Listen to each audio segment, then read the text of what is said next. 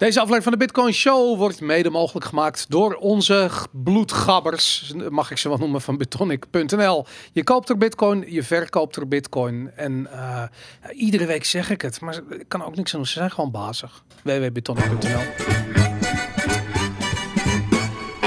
It's the Bitcoin Show with our very special hosts, Aaron, Boris, and Jan Willem. Yay! Ja jongens, ik was nog aan het zeggen dat Bitonic bazig was. En toen kwam er al, de leader trapte er al in. Ongelooflijk. En wat hebben we nu weer gemacgyverd? Jawel, Aaron, hij, zit hier, hij is aangeschoven. Zonder mondkapje, zonder tent deze week.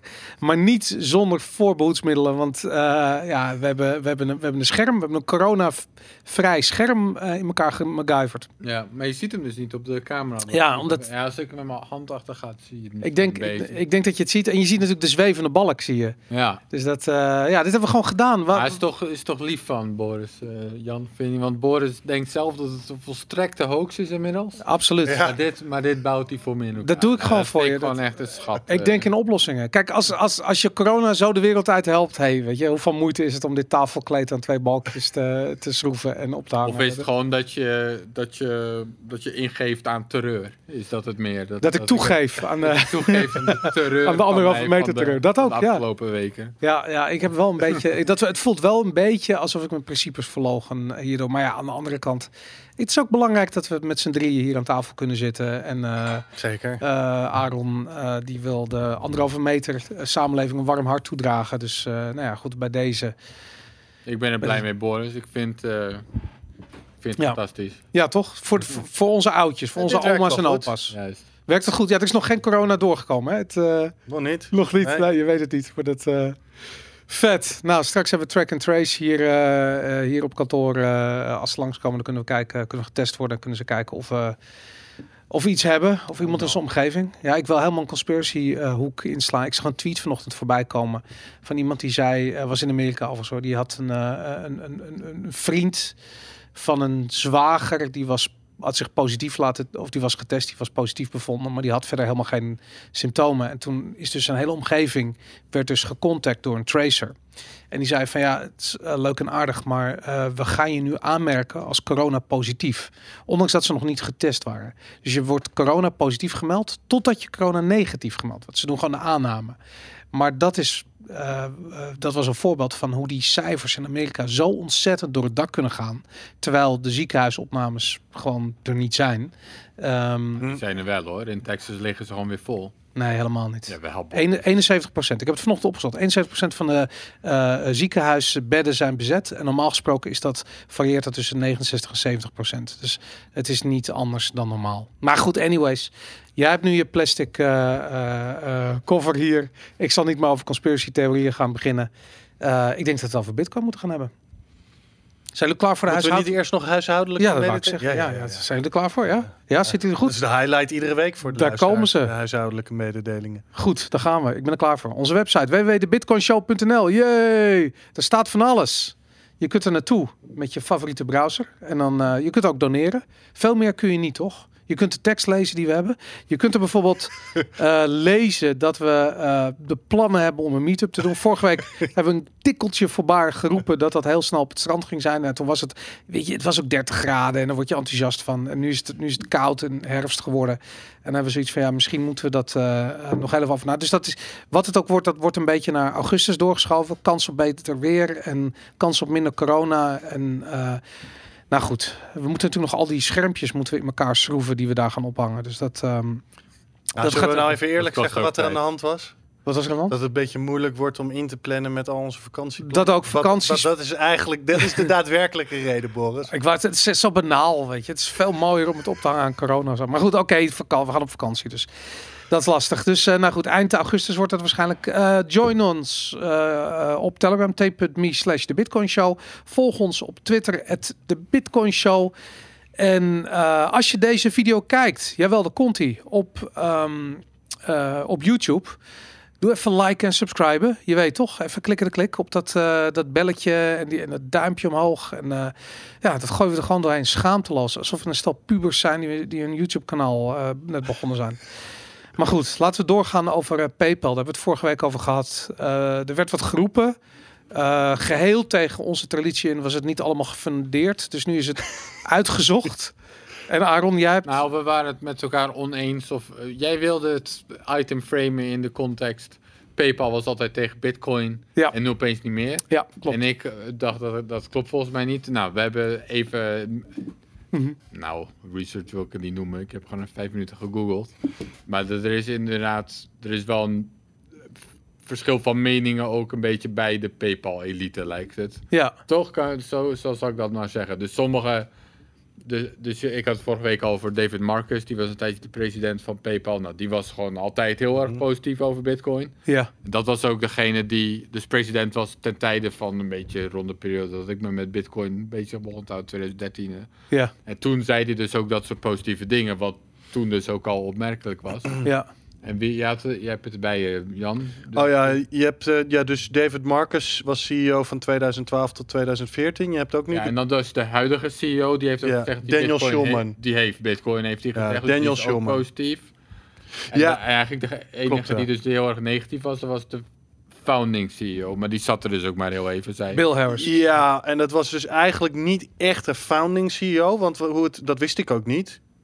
PayPal bestond voordat Elon Musk erbij kwam. Het, hoe het gegaan is, PayPal is samengevoegd met X.com, wat het bedrijf van Bill Harris, of wat het bedrijf van Elon Musk was, waar Bill Harris toen de tijd CEO was. Dat is in maart van 2020. En in mei 2020 is Bill Harris al weggegaan. Ja. Dus Bill Harris had niet zo heel veel met PayPal eigenlijk te maken, maar goed. Uh... Dus sinds, sinds het vertrek van Bill Harris is PayPal, uh, zijn het maximalisten daar? Nou, ik vind ze best wel pro. Ik kom mij eerder pro Bitcoin over. En het zijn twee. Ja. Dus ja, we, we, moeten niet de discussie van vorige week gaan herhalen. Mm Maar ik zie PayPal dus ook eerder als een vriend van Bitcoin dan als een vijand. Volgens mij zou het fantastisch zijn als, bit, als iets als PayPal Bitcoin zou integreren. Ja. Dat mensen gewoon een Bitcoin gedenomineerde account hebben. Lijkt mij fantastisch. Daarmee haal je zo'n groot publiek. Het is een niet perfecte, maar wel heel erg handige scaling optie. Want dan hoeft dus niet alles on-chain te gebeuren. Want het gebeurt gewoon op het PayPal-netwerk. Ja. Uh, ik denk dat PayPal het zelf ook wil. Want die... Kijk, ja, we hadden het vorige week over die kosten. Ik denk dat een groot deel van de kosten van PayPal... komt ook vandaan bij alle regulatie. Die ze moet, nou ja, misschien moeten ze dat nog steeds doen als ze bitcoin gebruiken. Maar in ieder geval voor PayPal zelf zou denk ik ook een oplossing zijn. Dan hebben ze weer minder met banken te maken. En dat lijkt me dat dat voor hun ook alleen maar gedoe is. Ja. In ieder geval. Dus het lijkt me voor hun ook nog een oplossing. Dus volgens mij, ik zou graag zien dat Bitcoin en PayPal eerder vrienden worden.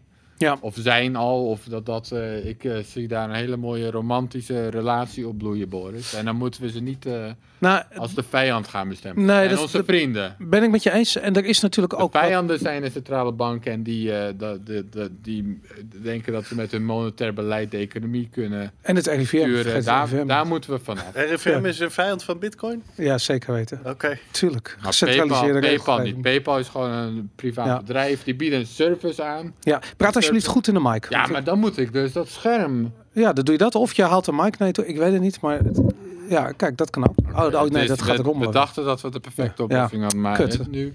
Dit gaan we volgende week ook, want dan, dan krijg jij... Uh... Ik wil dit graag, uh, want ja. het, het, is prachtig, maar... Dit ga, hier hebben we niet bijna. over We, we zijn er bijna. zijn volgende week is dit, uh, is dit gefixt. Um, maar... ik wou één ding zeggen nog, want, want um, er is natuurlijk wat, wat president geschapen. Onder andere door Square Crypto, die natuurlijk bezig zijn met de, de Cash-app. Wat je bitcoin laat kopen, geld laat naar elkaar laat sturen, maar ook aandelen laat kopen. En dat is natuurlijk wat in Amerika nu aan het boomen is. je ziet, iedereen hoor je over Robin maar uh, de Cash App is exact hetzelfde. Waar je, het is gewoon een platform waar je ook aandelen koopt. En ik denk dat PayPal, uh, eigenaar van Venmo onder andere, uh, de hete adem in zijn nek voelt van onder andere de Cash App. Dus ook meer dat soort diensten wil mm -hmm. ontwikkelen. En Kijk, of je nou een bitcoiner bent, ja of nee, je ziet gewoon, die shit is gewoon aan het groeien en het wordt populairder en populairder. En je wil die boot niet missen. Dus dat zorgt er ook voor dat die, ja, die gasten, uh, die volgen elkaar wel. En Cash App groeit heel erg hard nu. Dus ja, dan zou Venmo zou wel gek zijn als ze niet dezelfde kant op gaan. En ja, dat is PayPal. Dus dat betekent dat PayPal dat waarschijnlijk ook wel zal integreren. Ja, sowieso moet Bitcoin natuurlijk uh, gewoon bestemd. Kijk, iedereen moet vrij zijn om Bitcoin te gebruiken zoals zij willen. Ook al zijn wij misschien niet eens met de soort van diensten die ze aanbieden. Ik ben Mhm. bijvoorbeeld ook veel eh, vrij sceptisch over eh, al die diensten waar je 6% rente per jaar op je bitcoin eh, kunt eh, krijgen. Maar Waarom, waarom ben je daar moet er- sceptisch over? Not your keys, not your coins? Of, of meer gewoon... Ja, dat, dat en 6% rente in een tijd dat, dat je overal ergens anders 0% rente krijgt Ja. of negatief. Ja, nou, ik heb daar niet, eh, ik heb daar niet zoveel eh, vertrouwen in. Maar goed, eh, Bitcoin moet kunnen opereren onder een omstandigheden waar iedereen vrij is om de diensten aan te bieden die zij willen aanbieden op, eh, op eh, Bitcoin. Sta ik positief tegenover PayPal die dit soort diensten aan gaan bieden. Ehm, ik denk wel redelijk positief. Eh, misschien dat, eh, weet je, zoiets als PayPal kan misschien eh, inderdaad eh, een gedeelte van, van de scaling solution zijn. Misschien kan het een gedeelte ook, als je dan toch een derde partij gebruikt, zullen dat per soort partijen misschien iets beter zijn dan een of andere exchange in, nou, dat noem is, maar wat op. Eh, dus, Dat zien we toch al bij de Cash App. Ik bedoel, als ik de Amerikanen mag geloven, dan is Cash App echt exponentieel veel beter dan Coinbase bijvoorbeeld. Wat altijd de definitie was van waar je je Bitcoin koopt. En dat eh, in Amerika tenminste. Dat, dat, dat, dat denk ik, ja, dat, nou, oké, dat zou kunnen. Ik ben geen gebruiker van, eh, van Coinbase, al eh, sinds eh, 2013 eh, niet. Eh, toen was ik ook eigenlijk geen gebruiker van. Maar goed, ik heb alles om, om tien de tijd probeerde ik ongeveer alles wat, eh, wat er langs kwam.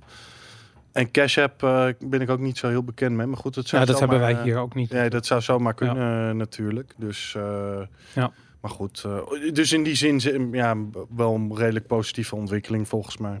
Cool. Goed. Ehm, laten we doorgaan met het eerste onderwerp. Dat gaat over Kirobo, een Israëlisch bedrijf. Ik moet eventjes eh, van tevoren melden dat we een ehm, eh, dat jij adviseur bent bij Kirobo, Jan. Eh, Klopt, ja. Dus dat de belangen hier verstrengeld zijn. Dat je nu met Zeker. twee petten op zit. Ja. Dat deze hele aflevering wordt mede... Nee, dat is niet waar. Maar Kirobo heeft een persbericht verstuurd. ehm, en ze hebben een oplossing gevonden voor mensen die eh, moeite hebben met het versturen van. Er staat het woord crypto. Ik, ik, ik krijg gelijk rillingen over mijn mijn rug. Is het, het is een Bitcoin bedrijf, toch of niet? Eh, het, is, je- het, is een, eh, het is ook een oplossing voor eh, oplossingen zijn het voor Bitcoin inderdaad. Dus het is een Bitcoin bedrijf. En, en, en wat, wat doet het precies? Want ik begrijp dus Ja. dat je. ze hebben een oplossing bedacht voor mensen die Bitcoin hebben overgemaakt naar een adres. en dat blijkt misgegaan te zijn. Of dat moet, dat moet terug, dat geld, of weet ik het. Wat Kirobo eigenlijk heeft gedaan is. Nou, wat ze proberen te doen, ze proberen of in het algemeen, wat ze proberen te doen, is verschillende soorten features op wallets te bouwen, die voor sommige mensen misschien interessant zijn. En dan samen te werken met wallets eh, om, die, om, die aan te, om die aan te bieden. Hè, Oké. dus eh, bijvoorbeeld net zoals je bij hoop wallets nu diensten ziet waar, eh, ziet waar dan je iets voor moet betalen en waar dan die wallets aan kunnen. Dat proberen zij eigenlijk te doen, maar in ja bijvoorbeeld, maar dan Ja. in samenwerking met die wallets. Oké. Dus er zijn nu eh, een van de dingen waar ze nu dus, daar ging gisteren het persbericht over. eh, wat ze hebben gedaan. soms komt het voor dat iemand bijvoorbeeld bitcoins naar Klaas wil sturen, maar ze per ongeluk naar een oud adres stuurt van, van Piet bijvoorbeeld en dat soort, en dat soort zaken. Ja. Ben je daar bang voor? Dan eh, kun je hun oplossing gebruiken. Wat het eigenlijk doet. Nou, ze hebben het op verschillende manieren gedaan. Maar degene die geïntegreerd is met Ledger is eigenlijk. eh, in plaats van dat je een, transactie direct stuurt, stuur je een eh, transactie die gedeeld, die geïn- geëncrypt is. Dus er zit een, eh, er zit een encryptie eh, om, omheen. Eh, die transactie gaat naar hun server, encrypted. Dus die wordt niet gepubliceerd op het netwerk. Dan heb je daar een sleutel van. Die sleutel kun je delen met degene waar je het naartoe stuurt. Mhm. En die kan, die kan dan de transactie decrypten. Nou, er zitten nog wat checks omheen. En wat dat eigenlijk doet, is zeg maar een soort van dubbele check dat het geld daadwerkelijk naar degene ging waar je wilt dat het naartoe ging. Dat is eigenlijk, als dus je- eigenlijk om te voorkomen bijvoorbeeld dat je eh, het bijvoorbeeld naar eh, Piet stuurt in plaats van eh, naar, naar, naar Klaas. Nou goed, oké. ja, er zijn misschien verschillende contexten waarvoor bepaalde partijen, misschien exchanges of eh, particulieren dat interessant zouden kunnen vinden. En dat kun Ja. je sinds gisteren kun je dat dus ook gebruiken op Ledger als je wil. Dus als je Ledger gebruikt, kun je daarnaar kijken hoe dat. eh, En moet het dan, eh, stel je voor dat je wil overmaken van Ledger naar, weet ik veel, je hebt misschien de Green Wallet of zo. Een Green Wallet heeft niet de support voor Kirobo. Hoe, hoe moet dat ingebouwd zijn in de ontvangende Ehm, wallet ook? Nee, niet per se. Dus er is ook een. ehm, nou weet ik eigenlijk niet. Ja, volgens mij, volgens mij klopt dat, zo. Dat, dat moet wel. Er is, Ja. een, er is een, on, er is Oh, ja. een, er is een wallet online, onafhankelijk. ja. Nou, ik wist eigenlijk niet of dat me- mee bekend is geworden in het persbericht. Maar het kan niet zoveel kwaad als dat, als dat nog niet gezegd is. Maar er is ook een onafhankelijke eh, oplossing. Dus je kunt ook gewoon naar een bepaalde website en een link klikken. En het Ja. op die manier zeg maar doen en naar een bepaalde wallet sturen. Dus het hoeft niet per se geïntegreerd te zijn. Ja. In een, het is natuurlijk wel iets makkelijker als dat op die manier eh, kan. En, en Kirobo kan dan zeggen op een gegeven moment van... hé, hey, maar ik zie dat jij je vorige transactie gecoinjoined hebt. Dus deze transactie, die, eh, die krijg je niet. Eh, niet echt, denk eh, Ja, dat zou in theorie wel kunnen. Maar je zou eerder denken dat dan bijvoorbeeld... ehm, ja, zou dat kunnen? Technisch, Eh, tuurlijk. ja, dat zou, techni dat Ja. zou technisch... eh, nou ja, misschien ook wel niet. Want Er zit eh, toch een gecentraliseerde partij bij. Die kan dan toch... er zit een gecentraliseerde partij. om- Er is natuurlijk nooit custody. Want het enige wat er op die server komt is de geëncrypte transactie. Maar als de transactie geëncrypt is, Ja, dat is een hele interessante discussie. Van. Heb je, ben je dan eigenaar? deze moet ik je even schuldig bij. Eh, Theoretisch zou dat waarschijnlijk wel kunnen, ja. Ja. Dat zijn ze denk ik niet van plan. Dat, zou voor mij, dat is voor mij al een gigantische red flag namelijk. Dus, eh, eh, ja, ik, ik kan me gewoon niet voorstellen dat je daar eh, het risico neemt. Ja goed, we- weet je, ik bedoel, ik, je stuurt een keer 10.000 sa- sats naar, eh, naar een wallet. Oké, weet je, ik bedoel, dat, dat is vervelend. Maar als je grote bedragen zou overmaken... Maar goed, uiteindelijk, bedoel, dan kun je, hey, je kunt ook de keuze maken om, je hoeft die dienst niet te, te gebruiken of zo. Het is Ja. een optie. Je kunt die het optie gebruiken. Wat ik er wel bij moet vertellen is dat het eh, in principe non-custodial is. Want het enige wat je doet is gewoon een transactie eh geëncrypt op, opsturen. En ja, weet je, de, de grootste attack factor is dat, eh, ja, eh, Kirobo eh, misschien probeert die eh, transactie te eh brute force of iets dergelijks. Maar goed, er zitten ook mechanismen tegen. En stel als ze dat zou lukken, dan is het enige wat ze kunnen doen die transactie publiceren. Dus het is niet Ja. alsof je je geld aan iemand anders geeft. Dat, dat bedoel ik. Nee, er zit enkel een stap tussen om zeg maar te waarborgen dat het eh, geld eh, aankomt bij degene die je dat wil. En dat kan misschien voor sommige contexten interessant eh, zijn. Ja, Ja. Hey, en ehm, eh, ik neem aan dat de dienst niet gratis is. Dus je betaalt waarschijnlijk iets meer voor een transactie als je gebruik maakt van de dienst. Nee, de, in principe is het idee met, hè, dus ze willen na deze feature willen ze allemaal van dit soort features. En dat is een beetje hetzelfde als een CoinJump bijvoorbeeld, dat je een hele kleine fee betaalt. En het idee is dat, dat tussen, eh, ja nu dus tussen Ledger en Kurobo, dat een dat, dat gedeeld wordt. Ehm, en in principe als er andere wallet integraties eh, aankomen, dat het een beetje op, dat dat op dezelfde manier gaat. Nou, oké. Ja. Nou, cool. Dat, eh Aaron, ga je gebruik maken van Kirobo? Ik denk het niet. Niet? Wil je niet de zekerheid van je transactie dat die aankomt? Dat je niet een fout maakt? Dat je niet dronken s'avonds om drie uur s'nachts een Al je Verkeerd- bitcoins naar boven ja, stuurt. verkeerd adres gevetvingerd hebt naar die Nigeriaanse prins. En dan, dat je toch niet die erfenis krijgt. Nee, hè? Ik denk het niet, Boris. Oké, oké. nou, ik ga erover op. Ehm, even kijken. We hebben de afgelopen week een debat gezien in de Tweede Kamer. Toekomst van het geldstelsel. Ehm, groot compliment voor ehm, eh, onder andere Mahir Alkaya... die kritische vragen namens de SP had eh, gesteld... aan eh, onder andere minister van Financiën Wopke Hoekstra.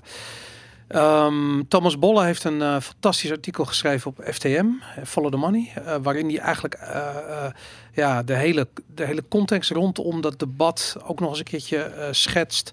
En de rare antwoorden die Hoekstra gaf. Eh, Jan, jij hebt ehm, eh, zowel de debat als de stemming eh, meegemaakt. Wat was, de, wat was het uitgangspunt van de, van, van, het, van de motie van Alkaya?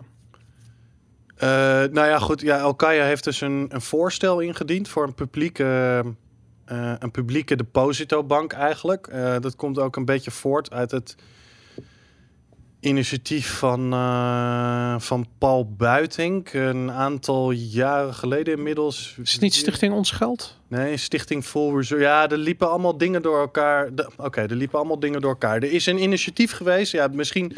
Hoe, hoe, kwam, hoe kwam deze discussie uiteen? Misschien een korte opsomming. Maar, Mhm. Want er zijn veel, vrij veel. eh, verschillende onderdelen. Eén, er is een initiatief geweest van Stichting, eh, Stichting Ons Geld. Ja. Om, eh, dat ja, ik, kan me even niet herinneren. Het, het voelt een beetje als gisteren, maar volgens mij is het inmiddels alweer twee jaar geleden. Ja. Dat zij een handtekeningactie hebben, hebben gedaan. eh, om een. eh, om de. Eh, hoe geld gecreëerd wordt in de maatschappij ter discussie te stellen. Nou, we hebben ook dat toneelstuk van de verleiders gehad. Ja. Op basis daarvan heeft de WRR, Wetenschappelijke Raad voor Regeringsbeleid, een uitgebreid rapport geschreven. Dat is vorig jaar eh, uitgekomen, Ja, geloof ik. In Met juni vrij harde eh, aanbevelingen erin. Eh, ja, nou ja, goed, dat was dus ook zo. Weet je, ik, er werd vrij veel aangehaald bij deze discussie. En ik kon me niet meer alle, alle losse onderdelen allemaal, eh, allemaal herinneren. Maar goed, dus dat, dat, dat speelde er. En Elkaya heeft, en dan heeft er tegelijkertijd hebben Paul Buitink en ik ben eventjes, probeer ik de naam van de ander, ik kan me even niet meer herinneren, maar eh, Stichting Full Reserve hebben zij geprobeerd een private depositobank te bouwen. Dus dat zou een bank zijn die niet meedoet aan het depositogarantiestelsel. Enkel je geld direct opslaat bij de centrale bank. Dus het is echt puur een, een spaarbank. Ja. Waar je uiteraard wel kosten voor eh betaalt. Ja, Richard van der Linden, dat was even de naam. eh, en Niels van Rossum inderdaad ook. Ehm, dat was even de naam die ik zocht. Eh, op basis daarvan, omdat dat juridisch niet helemaal haalbaar bleek, heeft eh Nou ja, niet helemaal haalbaar. Ze zijn gewoon kaart Wacht even, laat me even de opzomming Ja, maken. Ja. Eh, op basis daarvan heeft Elkaya een voorstel geschreven waarin het een publieke depositobank zou zijn en niet een private depositobank. En gisteren ging de discussie eigenlijk vooral over de mot dus het voorstel wat Elkaya heeft geschreven om zo'n publieke depositobank eh, op te zetten. Maar goed, eh, uiteraard werd het eh, WRR eh, werd, eh, aangehaald. Er werd ook Mhm. discussie aangehaald over de Volksbank, want die is ook nog in staatshanden, wat daarmee gebeurt. ja. Ehm, nou ja, goed, eh, de Basel, eh, alles, alles werd, eh, werd aangehaald. En eh, ja, ik moet bekennen, ik heb vorig jaar naar het WRR gekeken. Ik kon me niet eh, alles meer herinneren wat, daar, eh, wat daarin stond. Maar om daar even op terug te komen waar je net dus overheen stapte, is dus die juridische beperkingen. Volgens mij, zoals ik het me herinner, was het zo dat ze aan het deposit depositogarantiestelsel Mhm. mee moesten doen, of de verzekering daarvoor. Dus het Ah. potje wat banken daarvoor hebben, daar moesten ze aan meedoen. Ja. Maar omdat ze een full reserve bank zijn, en als ze daar dan aan mee moeten doen, dus als er een andere bank ze ja. moeten bijdragen, ja, dan zijn ze eigenlijk dus weer Klopt, niet ja. full reserve. En ja, dan- ze dragen wel het Dus, eh, risico, maar niet het Precies, voordeel. Dus ze ja. wilden daar een vrijstelling op en die, kon, die kregen ze niet. Nee. En dan was de Ja. excuus misschien inderdaad van ja, dat kan niet, maar waarom willen ze ze weg natuurlijk? Dus het kon gerust, alleen ze wilden het niet. Daarom, inderdaad. Ja, alleen volgens mij, maar nou ben ik daar niet 100% zeker van, zei Hoekstra dat dat kwam, of is er gezegd, maar nou weet, ik, nou weet ik het even niet meer, omdat ze ook aan Target 2 mee wouden doen. Zo Target 2 is het eh, clearing en settlement systeem voor betalingen tussen Europese banken. En daar is het volgens mij een vereiste dat je meedoet aan het depositogarantiestelsel. Maar nou kan het zijn dat ik... eh, Hm. eh, dat, volgens mij was dat de uitspraak. Maar nou kan het zijn dat ik dat, dat misschien verkeerd zeg. Dus hou even een slag om, eh, om de arm. Dat Oké. we nog kunnen uitzoeken. Nou goed, er, er volgt een debat eh, dus in de Tweede Kamer. Eh, ja, over het voorstel van eh Elkaya. Ja, wat eh, opvallend was, was dat eh eh Mahir Okaya echt serieus als enige die materie beheerst. eh, in Nee, de vond ik Tweede Kamer. totaal niet. Ja, ja, dat vind ik wel. Dat, eh, ik vind dat. Vond jij dat? Ja, en ik vind ook dat. eh, Vond jij dat hij het niet beheerste? Ik vond, Jan? dat, eh, ik vond eh, kwalitatief het niveau van de discussie eh, vrij goed. En het leek wel... eh, ik vond hem inhoudelijk vrij goed. Oké, nou Wie, goed. Mahir of de, de Maar hier is sowieso goed. Maar, maar de, de, Maar de- dat vind jij ook, Jan. Mahir is goed, of? Maar hier is ook goed. Ja, Oké, ja, maar ik vond dus de minister bijvoorbeeld ook goed. Dat is wat je zegt. Eh, nou, ik, ik kan me wel ergens in vinden wat eh, Thomas eh, over de minister zei. Ik zou het iets genuanceerder zeggen. Maar ik vond bijvoorbeeld de heer eh, Bruins van de ChristenUnie... vond ik bijvoorbeeld ook erg goed in de eh, in de discussie om maar iemand eh, te noemen. Dus ik, ja, ik, ik, vond, ik, ik had nou niet het gevoel dat er alleen maar mensen zaten die totaal de materie niet beheersten. Oké, nou goed. In ieder geval eh, zagen we dat niet terug in de, in de uitslag. Er werd gestemd. 79 stemden tegen de motie van eh Alkaya. 71 stemden Hm. voor. Eh, even om te nemen en shamen. De partijen die tegenstemden waren de VVD. Nou, logisch. Hoekstra. eh, Hoekstra's visie. De SGP. Het CDA. Van Haga. ChristenUnie en D66. En D66 natuurlijk om, vanwege hun Europese... eh, nou goed, ik, ik zal er ook verder niet. ik, ik, Ja. ja. ja, weet je, maar, maar anyways, dat, je, je ziet al dat eh, op, op, kijk, dit komt er gewoon niet doorheen. De vraag is een beetje, als je uitzoomt, waarom niet? Wat ligt, wat zit hierachter? Eh Wopke Hoekstra lult er gewoon echt omheen. Die, die vermijdt eh, de materie. In het artikel van Thomas Bolle zegt Thomas ook duidelijk van, het is te bizar voor woorden dat hij niet ingaat op de vragen. Eh, ehm, ja, hij komt wel Nee, met ik heb wel mooi, ik, want we- inderdaad, me- we gaan niet het hele artikel voorlezen, maar Nee. ik vond wel één stukje, vond ik wel typerend. Mhm. Dan wordt er dus gevraagd aan de minister, en overigens heb ik het niet het hele debat zitten te kijken, Jan wel. Ik baseer me gewoon op het artikel, maar op een gegeven moment werd dus gevraagd van, wat is eigenlijk het doel van zo'n betaal de, eh, systeem van de Ja. centrale bank? Zeg maar. wat, wat is de toegevoegde waarde? Dat was specifiek de vraag. En daar had over de central bank digital currency, dat ging daar. ja, dat gaat daar dus ja. over. En dan, wat is daar dan dus de pilot waar de centrale bank mee bezig is? Dat je een betaalsysteem. Wat is de toegevoegde waarde daarvan?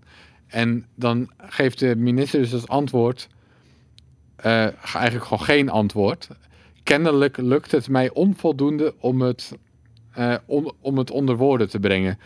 In welke toegevoegde waarde ten opzichte van de bestaande instrume- instrumentarium voorzien de Nederlandse bank en ikzelf? Dat neem ik op in de informatie die ik na de zomer naar de Kamer zal sturen. Dat lijkt mij de beste oplossing. Ja. Dus er wordt gewoon heel duidelijk gevraagd: wat is nou het doel hiervan? En hij heeft geen idee. En hij, hij heeft gewoon geen antwoord. Dat is de Ja. enige manier dat ik dit kan uitleggen.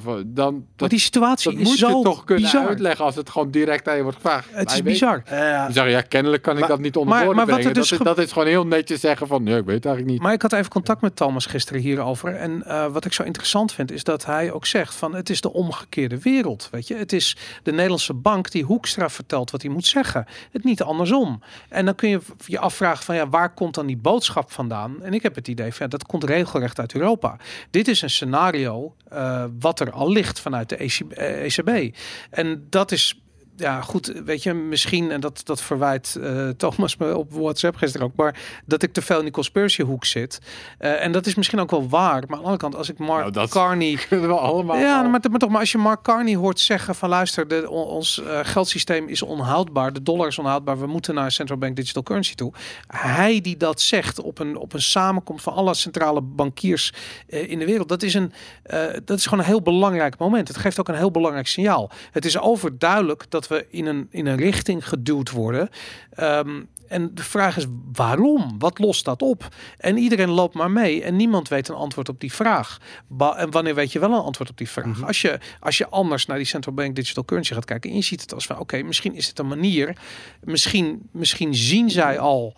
Eh, wat natuurlijk al veel economen, zoals bijvoorbeeld Arno Wellens roepen, dat, dat, die, dat die banken eigenlijk niet meer houdbaar zijn. Onze schuldenberg is niet meer houdbaar. Het enige wat ze kunnen doen is die rentes verlagen. Als die rentes lager gaan, dan staan de winsten van die banken onder druk. Want die worden eigenlijk van twee kanten aangepakt dan. Die banken gaan omvallen. Nou, hoe kan de centrale banken, wat kunnen ze daar doen? Een alternatief bieden. En dat zou dus in de vorm zijn van dat ze eigenlijk zelf volledig de geldvoorraad gaan managen. Eh, en dat zou dan via zo'n central bank digital currency kunnen gaan. En waarom wordt iedereen daar heel blij van? eh, onder de Illuminati. Dat is natuurlijk het feit dat het ook een eh, surveillance tool is. Want je kunt op dat ogenblik eh, ja, doen de dingen die je met blockchain kan doen. Je kunt zeggen van je mag deze coins wel hier uitgeven, maar niet daar uitgeven. Of misschien komt er een zware inflatie aan en willen ze dat met de introductie van een nieuwe munt weer rechtstrijken, wat we ook met de euro hebben gezien. Dat soort scenario's zou je dan aan moeten denken. Maar Maar wacht even, want kijk, Thomas, eh, kijk, want ik, ik heb, die, ik heb de, de hele debat eh, gekeken. En ik moet zeggen, kijk, het is, was vier uur lang. Eh, en ja, nee, maar goed, kijk, weet je, misschien dat ik dingen anders zou zien als ik het nog een keer helemaal zou terugkrijgen. Mhm. Maar weet je, op, op basis van wat Thomas zegt, en ik, ik snap dat jullie geneigd zijn dat beeld van Thomas over te nemen omdat we natuurlijk ook in het verleden, ja, nou, en misschien niet altijd even enthousiast over. eh, Maar welk ze beeld zijn bedoel je? geweest. Dat, dat Hoekstra niet weet waar hij het over Nou ja, ja, ik weet niet. want Je begint een hele lange, lange rent over heel veel verschillende dingen. Maar om bijvoorbeeld één ding eh, te De, de, de noemen. framing van Thomas was dat de minister er alleen maar een beetje omheen lult en en eigenlijk dat vind ik- antwoorden geeft. en, En gewoon eens zijn agenda doordrukt. ja, maar dat, Ja. dat, ja, maar gaat dat, Ja- daar gaat sorry, Jan nu maar iets dat, over zeggen. dat Ja. zie ik dus niet helemaal. Dus ehm, laat ik het zo zeggen. Ik ben met sommige van de kritieken, misschien die zowel Thomas als Alkaya noemen over de hele discussie, eh, ben ik het zeker eh, misschien wel, eh, wel eens. Ik, om gewoon even één voorbeeld, voordat ik nu weer de, de- het idee schets dat ik dat ik compleet anti ben wat ze zeggen. Dus een van de dingen die ik wel merkte, bijvoorbeeld, wat ze alle twee ook zeggen, en daar hebben ze volgens mij gelijk in. Mhm. Eh, WRR heeft een rapport van 300 pagina's geschreven. Ja. En het, ja, ik vind niet dat Hoekstra daar echt heel veel aandacht... eh, het lijkt niet alsof je daar heel veel aandacht Hij legt aan het gewoon naast zich neer. Maar dat weet jij niet, want je hebt het debat niet gezien. Maar ik hoor zijn, eh, dat is wat, wat Alkaya doet. Die stelt hem de vragen aan de hand van het WR-rapport. En dat, dat, dat soort rapporten zijn, zijn wegen heel zwaar over het algemeen, politiek gezien. Wacht, laat me, nou, laat me, even, uit, eh, laat me even uitpraten. Dus ehm, dat, dat ben ik wel met ze ben, ben ik wel met ze eens. Maar bijvoorbeeld op het voorstel van Alkaya inhoudelijk geeft hij wel misschien niet helemaal overtuigend, maar hij geeft zeker wel gedeeltelijk antwoord. Er komt wel geluid waarom- uit zijn mond als je dat bedoelt. Ja, maar hij geeft wel gedeeltelijk antwoord om waarom hij niet zoveel voorstander is van dat voorstel. Eén ding wat hij noemt. Ja. Ehm, in Alkaya's voorstel, zover ik het begrijp, was het idee dat private banken van de bankenbelasting die publieke spaarbank zouden moeten financieren.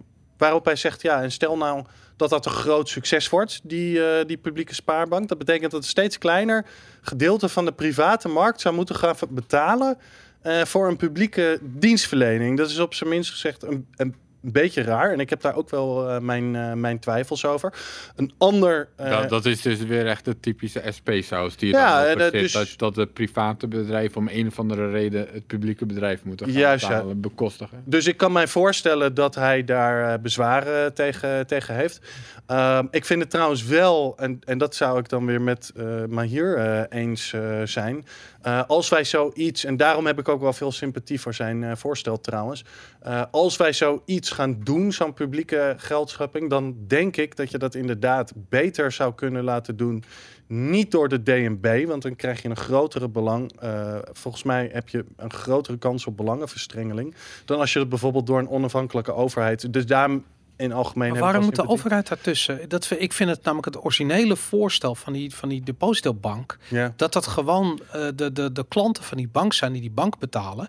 Omdat ze niet mee willen doen aan dat fractional reserve bankieren. Wat al die andere banken doen. Omdat ze Mhm. daar tegen zijn. Dat zou genoeg moeten zijn. Maar dat, Oké. dat Maar het ging nu even. We gaan, we gaan nu even op iets anders. Het ging even op de antwoorden die Hoekstra Mm. gaf. En ik vind het echt oneerlijk om te zeggen dat hij totaal geen antwoord geeft. Want hij geeft wel degelijk bepaalde antwoorden op bepaalde dingen. Maar ik kan mij wel voorstellen dat één. eh, ik vind inderdaad dat hij het WRR-rapport. Eh, misschien niet, eh, ja, misschien ziet hij de urgentie er niet genoeg eh, van in, maar Mhm. hij, hij, hij gaat er misschien niet. Je had misschien eh, gehoopt dat hij daar wat meer op in zou gaan. En inderdaad, ik ben het wel met hem. eh, maar hier stelt bijvoorbeeld op een gegeven moment de vraag: ja, waarom ben je nou zo fundamenteel tegen mijn idee, maar niet bijvoorbeeld tegen een central bank digital currency? Nou, dan heeft hij bijvoorbeeld dat ene punt wat ik net gemaakt heb. Aan de andere kant zegt, geeft hij dan ook toe. Eh, ja, ik kan nog niet het exact het onderscheid tussen die twee, eh, tussen die twee maken. Eh, en inderdaad, het kan zo geleidelijkerwijs kan het zo zijn dat, dat misschien inderdaad die verschillen minder groot, misschien wel helemaal niet zo groot zijn. Dus, maar ik, ja, ik, ik vind het een beetje, ja, nou, sorry, maar ik vond het een beetje kort op de bocht om te zeggen dat Bobke al te hard zijn- aanpakken. Nee, niet per se. Het is prima. Kijk, hij is minister daar. Hij, hij, hij moet. Hij, hij mag kan niet best. eens uitleggen waarom we een central bank digital currency nodig hebben. Dat is toch treurig? Dan ben je de minister van Financiën. Dan is er een discussie over de toekomst van ons geld. Ik bedoel, dit lijkt me de, de olifant in de Kamer is die central bank digital currency. Daar hebben we eigenlijk iedereen al gehoord. Mhm. Alle centrale bankiers. Zelfs Lagarde heeft zich daarover uitgesproken. En dan, dan komt meneer eh, eh, Wopke hier langs. Die, die, eh, die kan niet Ja, eens onder woorden brengen. Ik heb, dat, dat wordt gezegd. Ik heb, dan zou ik weer de hele. Kijk, ik. Het is vier uur lang. Ik heb ook niet alles eh mee. Ik heb Nee, maar Thomas Bolle heeft, maar- heeft de hoogtepunten eruit gehaald. Wat, wat, Ja. wat, wat Aaron net al quote. Nou ja, wat hij zegt is dat hij daar wel enthousiast over is en dat we daar, dat daar dus nu experimenten voor Ja, worden. maar hij weet dus niet waarom. Ja, Hij weet niet wat eigenlijk de toegevoegde waarde is. Hij Daar- neemt, hij neemt het Oké. enthousiasme uit Europa over. Goed, daar kan ik eh, misschien eh, volgens Ja, maar mij. het doet serieus. Dat is niet, dat is niet, daar kan je niet zomaar even overheen. Nou ja, die het- man het- weet gewoon niets van central bank digital currency. Hij heeft daar niet ik- over nagedacht. Kan ik ook van herkennen dat ik inderdaad zijn antwoord daarop, op die specifieke vraag, niet zo heel sterk vond. Maar goed, weet je, ja, we kunnen wel de minister nu weer gaan, eh, helemaal gaan afzeiken. Eh, Daar is die minister voor. Nee, maar dat is het- wat die maar mensen het- willen. ja, nee, oké, maar ik probeer gewoon een. Weet je, ik vind niet. Ik vind inderdaad, sommige van zijn antwoorden vond ik niet zo heel sterk. Bijvoorbeeld ook, hij lijkt inderdaad, en hij heeft me hier ook gelijk in. Het leek alsof hij heel erg tegen het voorstel van mij hier was. Niet tegen central bank digital currencies, zonder dat hij heel exact dat kon benoemen. En dat geeft hij volgens mij ook toe dat, eh, ja, dat hij eigenlijk. Hè, eh, Maar hij zegt letterlijk, maar hier fantastisch. Wat heb je goed je best gedaan en wat heb je mooie vragen. En ik ben het allemaal zo eens. We gaan het niet doen, doei. Weet je, dat is eigenlijk een beetje waar het op neerkomt. Ja, de, de context hierbij die we ja, volgens mij nog niet hebben genoemd, met dat als het dus gaat om die digital central bank currency, ja. is dat het doel ervan is een beetje omgedraaid geraakt over de tijd. Dus het doel was inderdaad in eerste instantie dat je een veilige plek hebt om je geld te stallen. Je digitale geld. Mhm. En het is nu met die pilot van de centrale bank is het eerder verworden als een soort vervanging van contant geld, dus om betalingen te doen. Dat, dat, dat, en dat, dus het doel, snap je wat ik zeg? Ja, het is beide natuurlijk. Dat, Nee, want als het goed is zou er dus een soort van maximum bedrag aan zitten, hoeveel je dan bij de centrale bank daarin kunt hebben. Dus dat dat niet 10.000 euro's kan zijn of zo, maar een paar honderd en voor betalingen. dus het zou een vervanging van gartaal moet, geld moeten zijn. En dat, niet, Precies, terwijl de, het zou eigenlijk, het originele idee was dat het een vervanging van giraal geld zou moeten daarom, dat dacht dus ik ook. daarom, dus daarom is die vraag ook relevant. En als de minister er vervolgens geen antwoord heb, op heeft, dan Ja. revealt dat wel iets over dat hij misschien Ah, helemaal geen Ja. idee lijkt te hebben van waar het hele debat over gaat. Maar ik kan me wel eh, herinneren dat, eh, als ik me goed herinner, heeft hij wel eh, gezegd dat het niet zijn intentie was. En dat hebben ze trouwens allemaal uitgesproken. Nou goed, eh, ik kan niet eh, gedachten lezen, dus misschien ben je daar sceptisch over. Maar vrijwel iedereen sprak uit dat ze contant geld belangrijk vinden en dat het niet het idee zou moeten zijn om een central bank digital currency hebben om contant geld eh, te vervangen. Sterker nog, maar hier zet, zegt expliciet Het is een gaat- motie van Majirgas, die is aangenomen. Die is unaniem aangenomen door alle partijen. Dat, dat eh, eh, contant geld als betaalmiddel Ah, brede acceptatie, dat dat belangrijk is. ja. Dus in ieder geval niemand heeft uitgesproken, naar mijn idee, dat ze willen dat dat contant geld eh, vervangt. Precies. En Ja. daarom was de vraag van, oké, maar wat is dan het doel van deze pilot? En daarop hadden ministers geen antwoord. Of dat Ja. antwoord wat ik op las van, oh, kennelijk kan ik het niet onder woorden brengen. maar laat, Codetaal voor, oh, weet ik eigenlijk niet. Eh, geen idee. Maar dit vind ik interessant, want als je dat nou gaat bekijken, dan zijn er twee dingen mogelijk. Eh, eh, en, en, en, Thomas zit wat meer in de hoek van ja, ze willen, ze willen die banken het niet te moeilijk maken. Weet je, de Nederlandse bank is natuurlijk vertegenwoordigt ook de belangen van de Nederlandse eh bankierensector. Dus die, die verdienen natuurlijk veel geld. Of er is iets anders aan de hand. En dat is dat we gewoon eigenlijk een soort van traject in worden geduwd. Waarin die central bank digital currency een oplossing is voor een probleem. Waar we het eigenlijk maar eventjes niet te veel over moeten hebben. En wat is dat probleem? Dat is gewoon de geldcreatie op dit ogenblik. Dat is gewoon dat die geldvoorraad groeit hard. En dit, de, de schuldenberg groeit hard. En dat is op een gegeven moment niet houdbaar meer. Nou, wat gebeurt er dan? Dan gaan we dus een, een, een, een, een, ja, een switch moeten hebben naar iets anders. Schuldenberg groe- eh, is, eh, is heel hoog. Dat ben ik met je eens. Het Ja. is niet alsof de M2 eh, money supply nu zo hard groeit. Die groeit ook heel erg hard, maar in Amerika harder dan in, in De Europa. M2 money supply zeker weten niet. Dat is juist het hele probleem. Daarom zitten iedere keer eh, al dat geld, eh basisgeld in de economie te pompen. Goed, hier gaan we het volgende week over hebben. Ik heb de cijfers niet we de maar je gaat het cijfers, over oké, dan gaan we de cijfers dan gaan we- erbij pakken, maar ja. dat is mijn, eh, dat is mijn indruk. M2 over. geldvoorraad gaan we volgende week een discussie Oké, over. daar gaan Nou we ja, volgende maar- week een discussie over. Ja, goed. Maar dan hebben we het ook, kijk, het punt is dus dat M2 groeit eerst, Jan. En, en dan in plaats van dat ze het weer laten tot zijn natuurlijke vorm laten komen, moet de brr aan om dan de totaal weer in balans te Nou, wat het, waar, Maar- het, waar het om gaat, wat jij zegt inderdaad, van er wordt alleen maar naar de supply side gekeken, terwijl de demand eh, neemt exponentieel toe. Eh, Welke en- dement waar heb je het over? voor dollars bijvoorbeeld. En dat is dus die M2 eh, eh, geldvoorraad groeit wel degelijk. Alleen je ziet dat de vraag toch veel harder groeit. En dat is waarom dus die velocity eruit, die omloopsnelheid uit die currency tot, gaat. tot de vraag dus niet meer groeit en dan gaat de brr aan om dat te Wat je, wat je nu zegt klopt echt niet. Dus zij kunnen even buiten de euro-dollar eh, gezien, Mhm. want dat, kan, dat, dat wordt niet meegenomen in dit soort metingen, want dat kunnen ze volgens mij ook niet Nee, de vet. klopt, ja.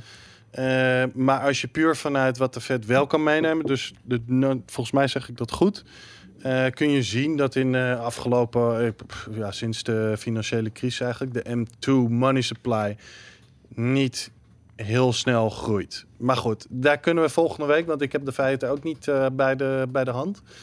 Maar daar kunnen we het volgende week misschien over hebben. Dan moeten we even, even onderzoek naar doen. Maar goed, ik. ja, nou ja, nogmaals, weet je, mijn. Dit is wat je M2 Money. We kijken nu eventjes live naar de M2 Money Supply eh, april Welke 2020. schaal is dat? Ehm, eh, we zitten nu op 13 biljoen, bijna 13 biljoen.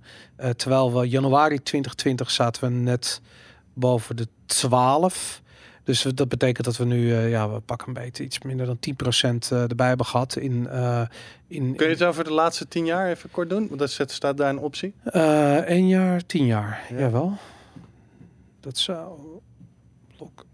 Tien jaar. We hebben het over de euro trouwens. Nou, dan zie je hier een eh, tien jaar geleden. eh, zaten we dan hier ergens. Ja. Eh, dan zaten we. Nou, wat zal het zijn als dit 9, 9 biljoen is misschien? Ja, dus net onder 8, weet ik veel. Dus ehm, nou, we gaan in, in tien jaar tijd. ja. Dus een paar procent per jaar. Ja, niet per. Want je ziet dat het hier. Hier gebeurt allemaal niks. En, en nu gaat het harder omhoog. Oké, goed. Mo- mo- eh, mogen we dit volgende week eh, weer aanhalen? Want Ja. dan eh, Gaan we allemaal gaan, we gaan we een week studeren op. op gaan we een week studeren over M2 eh, money supply. Maar goed. Ja, nou ja, nogmaals, je, mijn, mijn indruk was zeker niet van ik, een groep met mensen die, die, die niet wist waar ze het over hadden. Integendeel zelfs. Alleen, ja, ik, ik ben het wel met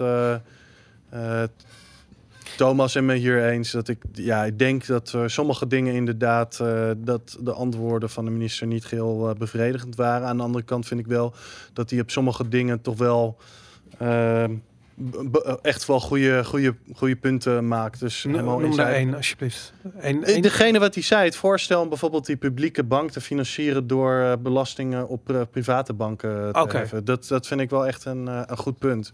Hm. Eh, en dus dat zou ook. Dat was mij, maar hier zijn. zijn Dat was in mijn Ierse voorstel. En dat zou voor mij ook niet zo'n aantrekkelijk idee zijn. Ja, ik denk ook niet dat ja. dat 1, 2, 3 de oplossing is. Wat ik wel, en dat, dat is nogmaals wat ik wel denk, dat, dat eh, wat men hier zei. En daar, als je dit gaat doen en je doet het op publiekelijk, denk ik zelf ook, eh, snap ik zijn argument heel goed van waarom je dat aan een publieke instelling eh, zou willen geven.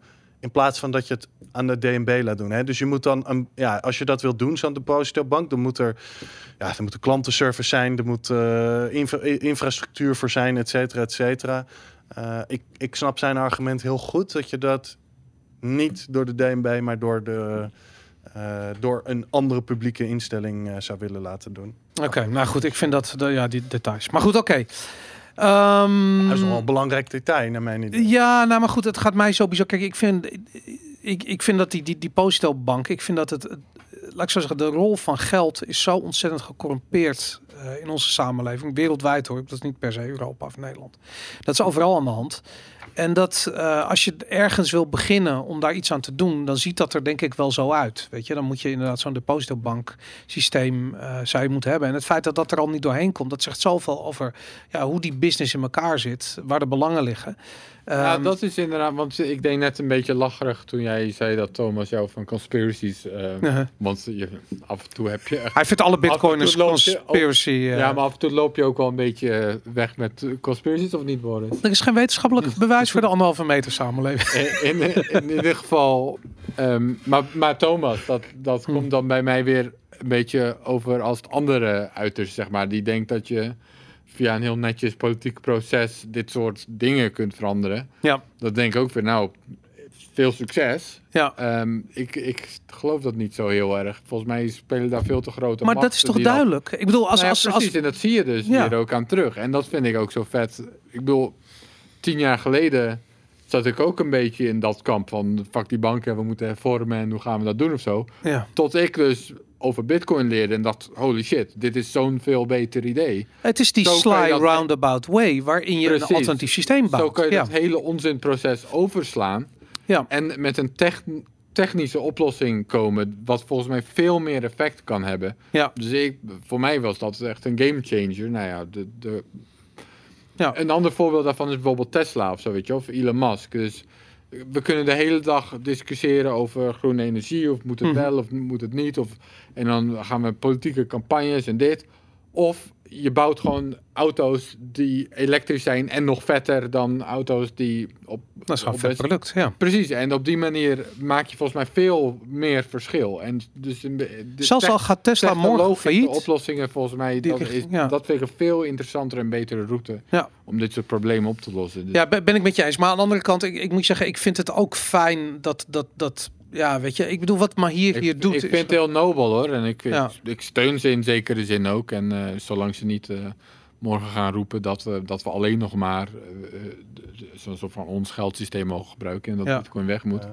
Want dat zou wel eens, dat zegt Balaji, hè, dat dat wel eens een soort van Tuurlijk. de politieke discussie van de 21ste eeuw of één daarvan kan worden. Is meer, meer het modern money theory versus Ja. bitcoin-achtig. Dat, dat zo groot. Dus dat dit geldsysteem is wel een beetje klaar. Ja. En dan straks gaat het een beetje tussen die twee, de, de, Ja. de discussie Ik, en het ik vind, wat ik eh, met deze discussies altijd eh, vind en waarom ik ze heel lastig vind. Kijk, als je het bijvoorbeeld over Bitcoin als oplossing hebt, eh, dan kan ik op micro-economisch niveau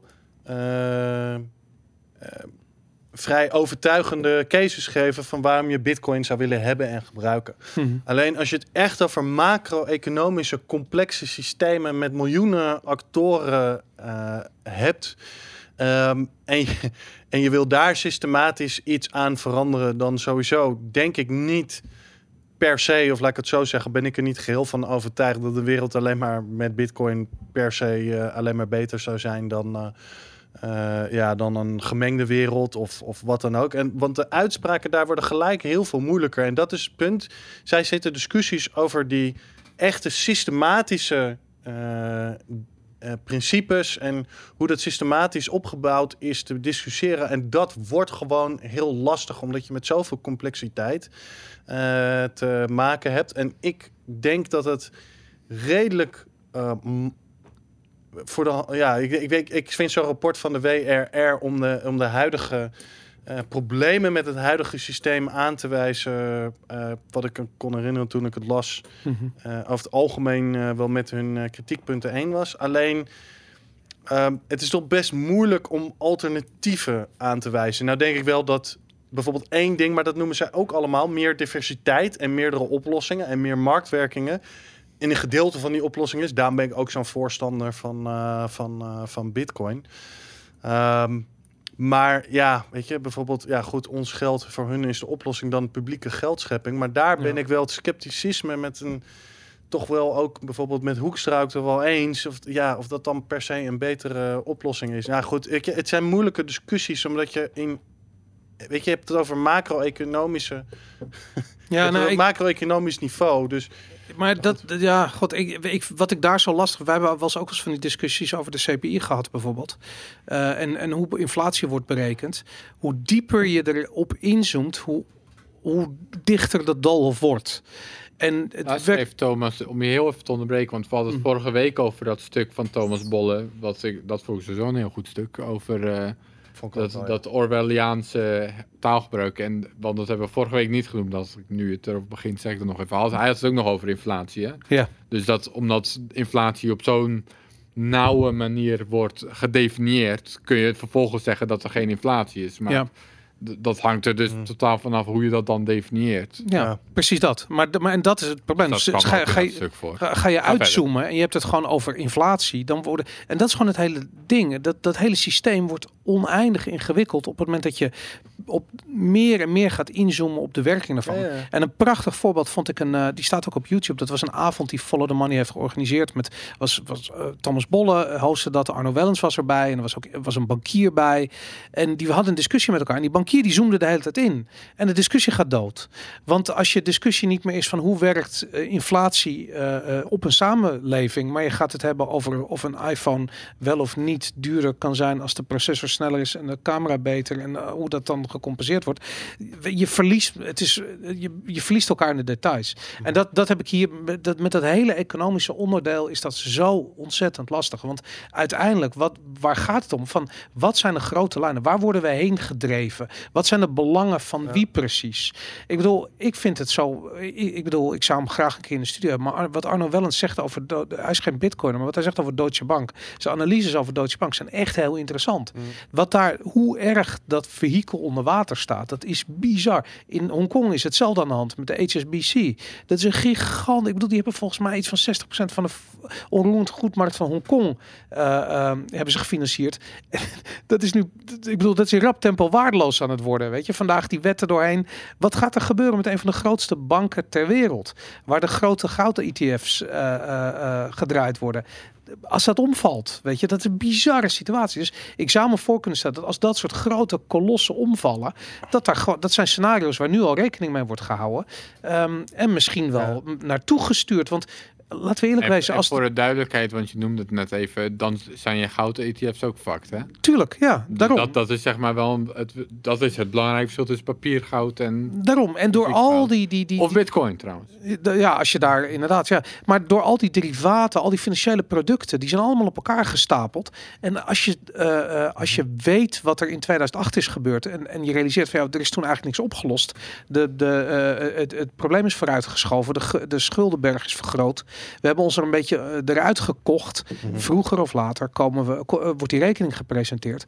En ja, eerlijk gezegd, ik denk dat eh, het IMF het al gezegd heeft. Die hebben al een keertje een column geschreven dat we eh deep negative interest rates gaan krijgen van bij deze crisis misschien wel min 6, min 5 procent. Wat betekent dat voor dat soort banken met zulke gigantische schuldenbergen? Dat betekent dat die money printer goes brr op een manier wat we nog nooit eerder hebben gezien.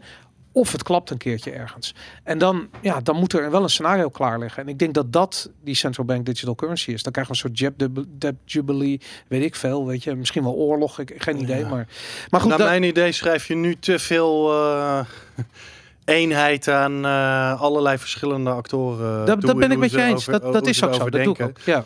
Ehm, maar goed, eh, ja, weet je, en ik zou ook niet zeggen dat zij ook nog, maar goed, je zei, nog twee punten misschien hierover. Ik zou niet zeggen dat eh, sinds 2008 helemaal niets is gebeurd. Eh, Dat is volgens mij niet waar. Dus een van de dingen waar ik het bijvoorbeeld ook met Hoekstra over... Nou lijkt het alsof ik Hoekstra probeer te verdedigen, maar dat, dat, dat is niet helemaal mijn bedoeling. Maar hij, weet je, hij zegt, wat zoals al aangaf, is wel degelijk... eh, veel met de kapitalisering van Nederlandse banken gebeurd. Dat, dat is naar mijn idee... In eh, Amerika is dat inmiddels al teruggedraaid. Hè? Die Dodd-Frank Act is alweer helemaal... eh, Dat zou Trump, kunnen, dat zou kunnen, ja. ja. Maar goed, dus er zijn wel degelijk wat dingen gebeurd. Je kunt je afvragen of het systeem misschien niet fundamenteel zo niet goed werkt. Dat dat, ja, dat, dat pleisters plakken op een open wond is en allemaal dat soort dingen. Daar is eh, Hoekstra niet zo van overtuigd volgens mij. Ja, ik, ik ben daar wel iets meer eh, van, eh, van, van overtuigd. Ehm, iets wat mij ook viel op het debat, daar hadden we het nog niet over gehad. Misschien nog één ding, is dat ze allemaal wel de nut inzien van diversiteit, maar eigenlijk met een beetje hun handen in hun haar zitten over hoe meer, meer diversiteit Wat creëren. doe je met, precies met diversiteit? Wat we hadden het. Eh, nou, het idee, we hebben alleen maar drie grote banken. Twee zijn privé en eentje is een coöperatie. En dan hebben we nog, nou ja, de Volksbank, wat er nu een staatsbank is, daar moet ook iets mee. Maar dat, dan heb je meer dan 90% in de markt. Ja, en daar zou mijn antwoord dus zijn. Wij hebben nu, dat zou ik nog even, hè, om het even aan Bitcoin te relateren. En dan denk ik, ja, we zijn nu, hebben twee jaar een discussie over A met deel 5 en hoe dat innovatie eh, gaat remmen, hebben we, hebben we gehad Dat zou mijn kritiek zijn. En dan zitten ze vervolgens zich allemaal achter de oren te krabben. Waarom hebben we geen diversiteit? Maar ja, dit, is, dus. een poppenkast. dit is toch serieus een poppenkast. Maar Hoekstra daarover zegt Hoekstra ook van ja, luister, het is heel erg Ah, Ik zou belangrijk. niet daarom gelijk een Nee, poppenkast wel. doen. Hij- maar hij zegt maar letterlijk- Dat was dus het moment om zeg maar een stap te nemen. Om meer maar dit is, dit is wel een poppenkast. Want hij zegt A en doet B. Al nu al voor de tweede keer in een korte tijd. Hij zegt ook van ja, het is niet de bedoeling dat de AMLD 5 eh, Nou, innovatie in de weg staat. We zien het gebeuren. We zien de bedrijven vertrekken. Klopt. En, en, en nu weer. Nu zegt hij. Doet hij Dus volgens mij heb je een sterk argument eh, daar. En dat, ja, weet je, dat snap ik dan niet. Weet je, dan moet je dus daadwerkelijk, als het op dit soort. Dan moet je dus daadwerkelijk die ruimte gaan creëren voor fintech. Die er naar mijn deel misschien niet. En zeker voor zoiets als Bitcoin, wat er voor mijn gevoel nu grotendeels eh, niet genoeg eh, wordt gestimuleerd. Maar goed, oké, weet je. eh, ja, dus dat viel mij ook nog, nog op. Ja. Nou, ik vind het een poppenkast. Maar goed, misschien ongetwijfeld gaan we het hier misschien nog, wel, nog wel weer meer over hebben in de toekomst. Maar goed, dit is, loopt dus, ja, dit liep dus al heel veel, Ja. heel veel jaren loopt dit nu inmiddels. Goed. Laten we doorgaan met het volgende punt. Veel. Was dit het eerste punt om, hè? eh, ja. Ja, maar het was ook een groot punt. Het is want een er werd zoveel bij gehad en we kunnen er nog een uur over doorgaan. Daarom. Ik zou ook voor iedereen willen aanraden om vooral uh, Mahiro Kai op Twitter te volgen. Want hij doet nauwgezet uh, verslag van, uh, van al deze discussies en de stemmingsuitslagen en dat soort dingen. Nou, ik vind het wel echt tof dat hij dit onderwerp uh, blijft nou, proberen ik, absoluut. die discussie En ik, ik vind het een, het klinkt heel raar, maar ik vind het een nieuw soort politicus doordat je ziet dat ze extreem inhouden. Ik heb het idee dat er heel veel politici zijn die willen gewoon daar zitten. En that's it. En daar hoor je verder niet zoveel van. En ik, ik vind het feit dat Pieter Omzicht nu uh, genomineerd is om uh, zo meteen lijsttrekker te worden voor het CDA. Vind ik heel goed. Ja, en ik vind bijna CDA van gaan stemmen. Nou, ja, serieus. Ik, ik en ja. ik had mezelf beloofd om niet meer te gaan stemmen. Maar ik had zoiets van, ja, Pieter Omzicht is... Eh, serieus, man. Ik bedoel, dat is toch... Ik bedoel, of die nou bij de CDA zit of bij welke ja, partij. heel fijn, ja. Het is heel goed. En ik vind eerlijk gezegd, maar hier Okaya... Vind ik uh, ook die, heel goed. Ja, ik ben die gaat bijna geneigd om SP te gaan stemmen ja. daarom. Nou, ik, dat gaat, ik, dat ik, gaat heb, nog ik heb nog steeds een beetje moeite met uh, ide ideologie die erachter zit, maar ik, ja, ik vind hem wel heel sterk. Maar het gaat mij er meer om dat je gewoon, altijd, dat je gewoon een, een, een, ik heb voor mijn gevoel komt er een nieuwe generatie aan politici aan uh, die gewoon aan de bak gaan, weet je, en die gewoon die, die misstanden die er zijn gewoon aan de kaak stellen. En Mahir Alkai doet het en ja, sorry, maar applaus van Mahir. Ik vind het fantastisch. Dat, uh, dat nou, ik vind gewoon, uh, nee, nogmaals, ik ben het niet altijd met hem eens. Ik vind soms is het iets te ideologisch nog voor mij dat ik er wel echt van afsta. Sommige punten die hij ook maakt, maar ik vind het wel echt top dat hij dit uh, iedere keer doet. En hij is wel echt, dat merk je ook in de discussies, gewoon echt heel goed uh, geïnformeerd. En dat is wel echt heel fijn ja. uh, om dat zo uh, te zien. Dus uh, ja. Mooi. Nou, laten we doorgaan naar punt 2. Maar kom, mag ik ja. nog één hier punt hierop? Nou, Denken jullie dat hier fundamentele veranderingen uit gaan komen? Nee. Uit politiek? Sowieso niet natuurlijk. Waarom? Nou, de manier, voor mij heb ik het een paar afleveringen geleden ook gemeld, op basis van die documentaire van, pff, wie was het nou ook alweer? Naomi... Klein? Ja, ik denk dat dat het was, ja. Niet een boek? Ah, fuck. Maar dat ging er dus over dat grote veranderingen zoals dit altijd komen op het moment van crisis. Nou ja, dus Ja. onder, onder druk zouden dit soort dingen doorgevoerd kunnen worden. Dit, je gaat het niet in een rustige periode, ga je dit soort radicale dingen sowieso niet krijgen. Maar misschien, als de boel echt op instorten staat, als de boel echt, als de spanning echt hoog is, dat je ook nog dit soort dingen. En, en dan zou je dus in, een situatie kun- terecht kunnen komen dat, zoals Balaji zegt, dat het een soort van Bitcoin versus eh, MMT-achtig. eh, Ja. Nou goed, ik, en ik hoop in die zin dat ze MMT liever gisteren dan morgen invoeren. En iedereen eh, Bullet 2000 Bitcoin. euro gratis. eh, ja, tuurlijk. Omdat ik bedoel, blaas het systeem vooral op. Weet je, hebben we dat gehad? Dat geëmmer. ik bedoel, ze gaan dit nog tien jaar eh, gaan ze die, die lege spons uitwringen. Ik heb zoiets van laten we gewoon laten we iets nieuws. Tijd voor iets nieuws. Maar ehm, aan de andere kant zit ik ook niet te wachten op oorlog en dat soort. Maar goed, laten we heel even doorgaan met punt 2. Many Bitcoin developers are choosing to use pseudonyms for good reason. Ehm, het is een Coindesk artikel. Ik ben op zich niet zo'n Coindesk fan. eh, maar het is een trend die eh, iedereen die in Bitcoin zit natuurlijk al lange tijd he- zich heeft zien ontwikkelen. Dat steeds meer mensen die actief zijn in die Bitcoin zien dat doen, niet meer doen onder hun eigen naam. De, de- is een artikeltje wat ehm, er staan wat interviews in, zijn een beetje de usual suspects. Eh, Eh, maar wat ik er zo leuk en de redenen daarvoor zijn ook vaak vrij doorzichtig. Ik bedoel, ze wonen in een land wat misschien niet zo vriendelijk is ten opzichte van Bitcoin of wat hoge criminaliteit heeft. Weet ik veel. Je wil gewoon niets bekend staan als iemand die potentieel veel geld heeft op het moment dat die Mhm. eh, prijs door het dak gaat.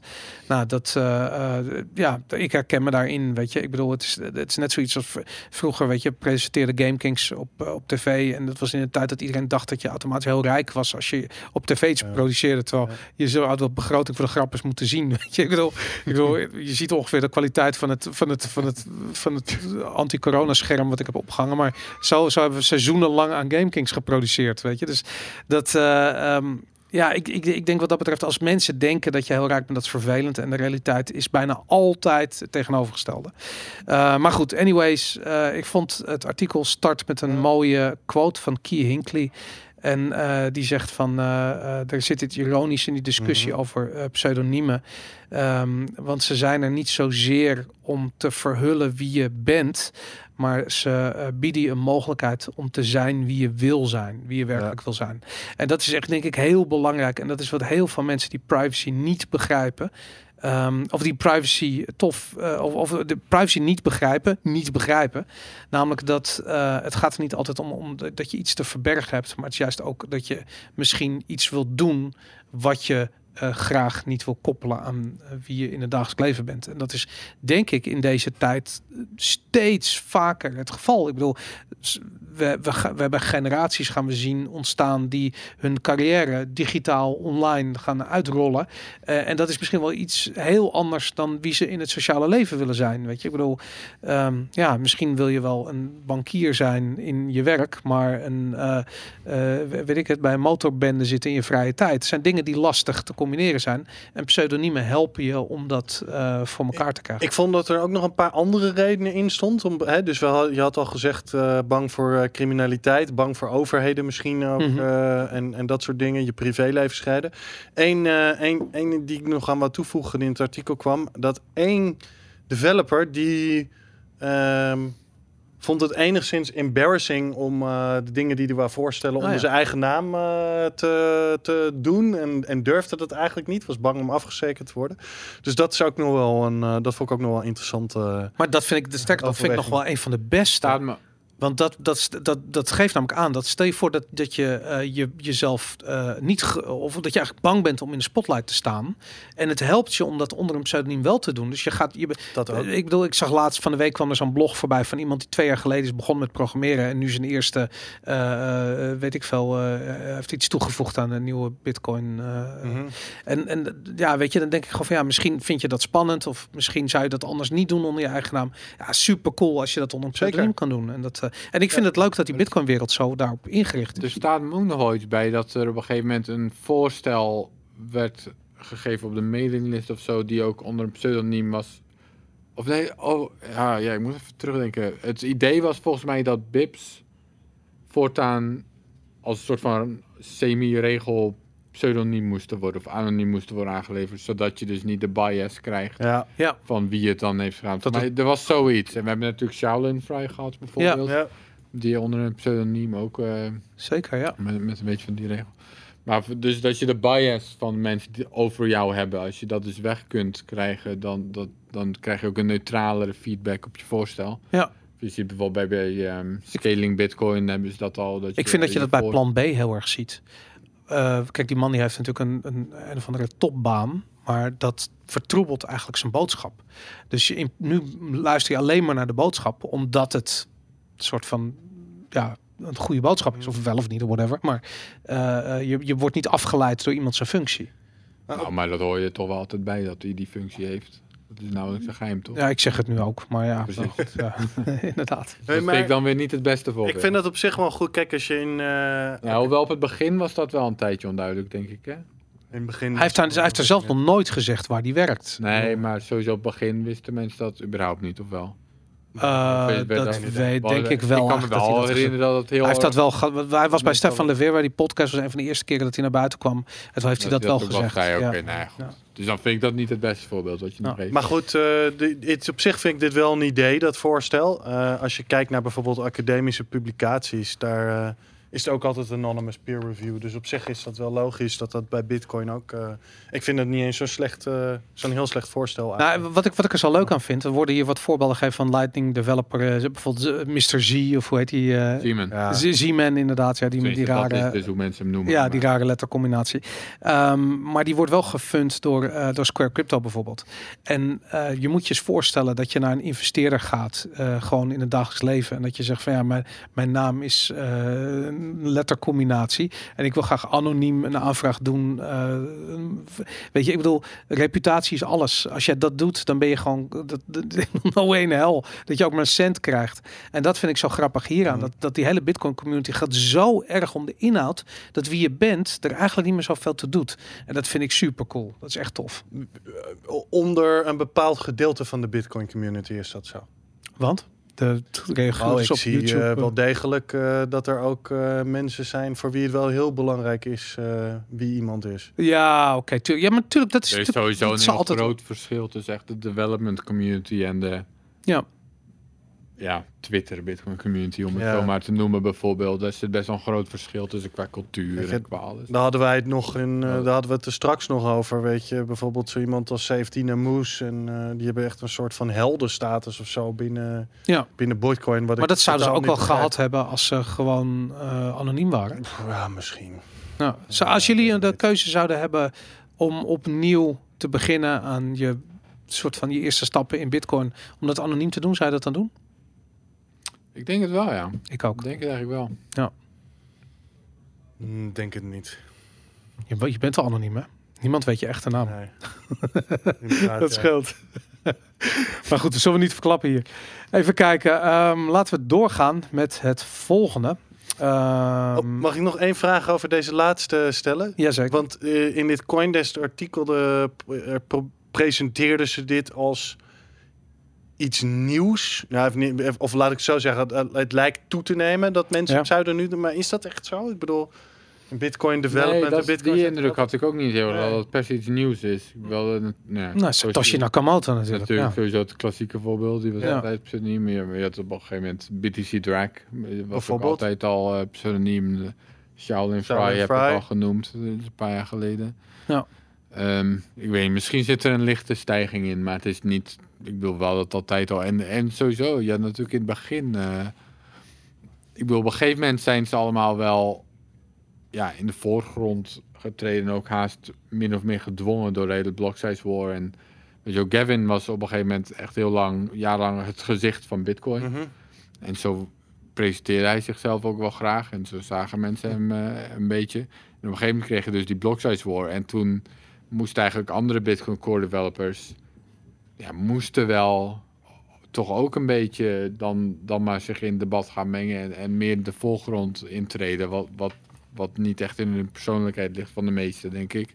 Ja. Wat ze ook niet echt per se wilden. Mhm. Maar ehm, er was wel een hele tijd dat, ja, namen, dan had je dus namen zoals ehm Woempoes en eh Sipa en wie- dat nou eigenlijk precies waren. Heel veel mensen hadden er niet echt een beeld bij of van wie een gezicht of wie dat eigenlijk Ja, is. ja. Of, of überhaupt dat die zo actief, weet je wel, Pieter Wuilen op het moment dat hij al de meeste code had geschreven, was eigenlijk een totaal unknown persoon voor Ja. het gros van de Bitcoin community. En ja, een Sipa op eh, IRC, maar Ja. wie het precies is, dat, dat had je echt wel een tijdje dat niemand dat eigenlijk goed wist.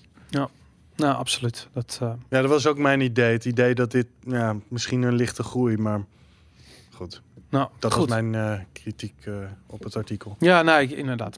Oké. Ehm, even iets anders. BTC Pay server 1.0.5.0 is uit. Jee. En dan word je natuurlijk helemaal gek van enthousiasme, want eh, we hebben een BTC Heb Pay je hem server. geprobeerd? Nee, nog niet. Nee, ik heb hem nog niet geüpdate. Eh, ik weet ook niet of die al in mijn notes zit, maar eh, anyways, dat, meestal zijn ze wel snel.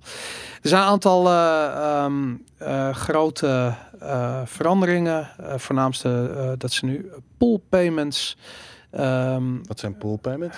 Ik was al bang dat je dat zou zeggen. Volgens mij, volgens mij is dat dat je eh, eh, eh, zelf een code scant en dan de, de, de code naar je, hoe heet het, naar je, naar je wallet haalt. En als dat het niet is, is mijn excuses. Aaron gaat nu druk zoeken wat pool payments zijn. Dat is wel goed. Eh, wat ze ook doen is refunds. En dat is echt heel erg handig. Want dat is een, eh vooral administratief gezien in BTP server, een toestand. Stel je voor iemand koopt een stoere bitcoin eh, koffiemok in jouw bitcoin webshop en betaalt met satoshis. En de mok ehm, is toch de verkeerde, die komt terug. Ehm, en iemand wil zijn geld terug. Ja, dat is, dat is handwerk. En nu is dat gewoon geautomatiseerd. Kun je druk op de knop, stort hij het weer terug. En dat is, ehm, dat is echt Oh heel ja? erg tof. Oh, daar ben ik wel heel benieuwd hoe ze dat doen dan eh, precies. Ik denk dat het gewoon teruggaat naar het adres waar het vandaan komt. Oké. Oh, oh, Dat lijkt mij. Ik, ik zou het eigenlijk niet. Misschien kan je ook wel eh, eh, iets invullen hoor. Dat je zegt van nou, ik wil dat het naar dit, dit adres gaat. Maar goed, dat, dat weet ik niet. Ja, oké, wacht. Ja, oké. Oké, ik snap het. Ze hebben refunds gehad met. Sorry, ik zat heel even aan.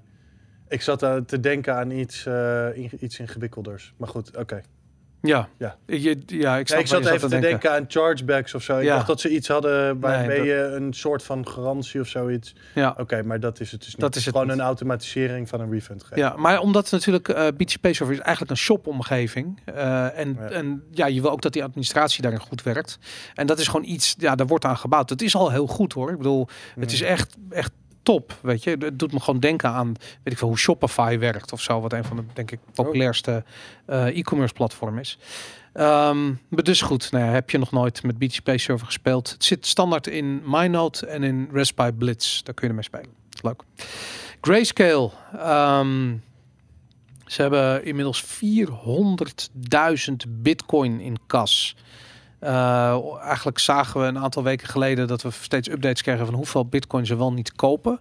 Ehm Een Jan, geleden stond het geloof ik op drie, wat zei ik nou een paar, een maand geleden ongeveer, 350.000. of ik, ik heb het idee dat ze meer. 30.000 bitcoin in de week bijna doen. Zoiets. Dat, Ja, dat, het is heel kan kopen ze meer bitcoin dan er gemined wordt. Precies. Dat- Ja, Ja, dat is zeker. Ja, Ja, ja, ja, absoluut. dat is zeker. Waarom doen ze dat, Jan? Waarom doen ze... Ja, oké, wacht even. Dit, eh, ja, nou ja, goed. We hebben het een paar weken geleden al over eh, gehad. Ehm, kijk, er is een se- secundaire markt voor GBTC. Maar het feit dat zij heel zoveel bitcoins kopen, geeft aan mij... Ja, zegt tegen mij, er is niet genoeg liquiditeit. Dus ze moeten die liquiditeit uitbreiden. Dus blijkbaar is er heel vraag veel vraag voor dat eh, GBTC-product. Ja. dat is een Ehm, ETF, toch of niet? Nee, nee, Nee, nee. Het is een, het is een trust. Oké. Het is een Oh ja, natuurlijk, daar hebben we het ja, over daar gehad, het over gehad. Ja, dus het is een soort van eh, ja, nou, nou goed, je krijgt een aandeel Ja. in die trust. Ja. En dat zijn dan, ehm, hoe heet het? Eh, accredited investors die kunnen die eh, aandelen kopen en die kunnen die dan vervolgens ook na een periode van zes maanden, geloof ik, doorgeven aan hun eh, aan, aan mogelijke andere partijen die geen accredited investors zijn. Dus het kunnen bijvoorbeeld brokers zijn die het doorspelen aan hun, eh, aan hun eh, klanten. Dus op zich is dat wel een redelijk goed teken dat er niet genoeg liquiditeit is. Alleen, ja, ik weet je, ik, ik zie iedere keer die tweets van Kevin Rook voorbij komen en ik, hij, ik, ik, ik heb dat de eerste keer ook gezegd. Het is een beetje een misrepresentatie. Kijk, Coinbase koopt waarschijnlijk op een dag ook meer bitcoins dan dat er eh gemined worden. Mhm. Eh, en verkoopt er waarschijnlijk ook meer dan dat er gemined wordt. Beetje, dat, dat zegt niet zoveel, want het aandeel wat gemined wordt vergeleken bij wat verhandeld wordt,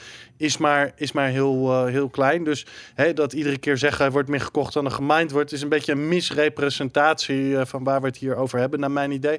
Hoewel het wel iets anders is dan bij Coinbase, omdat het hier echt een teken is dat er, naar mijn, volgens mij is dit een teken, maar Misschien, misschien is het al even een andere reden, maar voor mij is het een teken dat er niet genoeg liquiditeit in dat fonds zit. Dus dat er toch wel behoorlijke vraag eh, komt vanuit de institutionele markt. Aan de andere kant is het natuurlijk zo dat de oplossingen in de institutionele markt, dat er niet eh, heel veel zijn. Er komen er steeds meer bij. We hebben natuurlijk, eh, volgens mij was dat eh, afgelopen week ook, dat op de Duitse boursen die eh, dat exchange traded product, dus niet een ETF, maar wel in die familie van dat soort producten, Ja. is gaan, is gaan traden.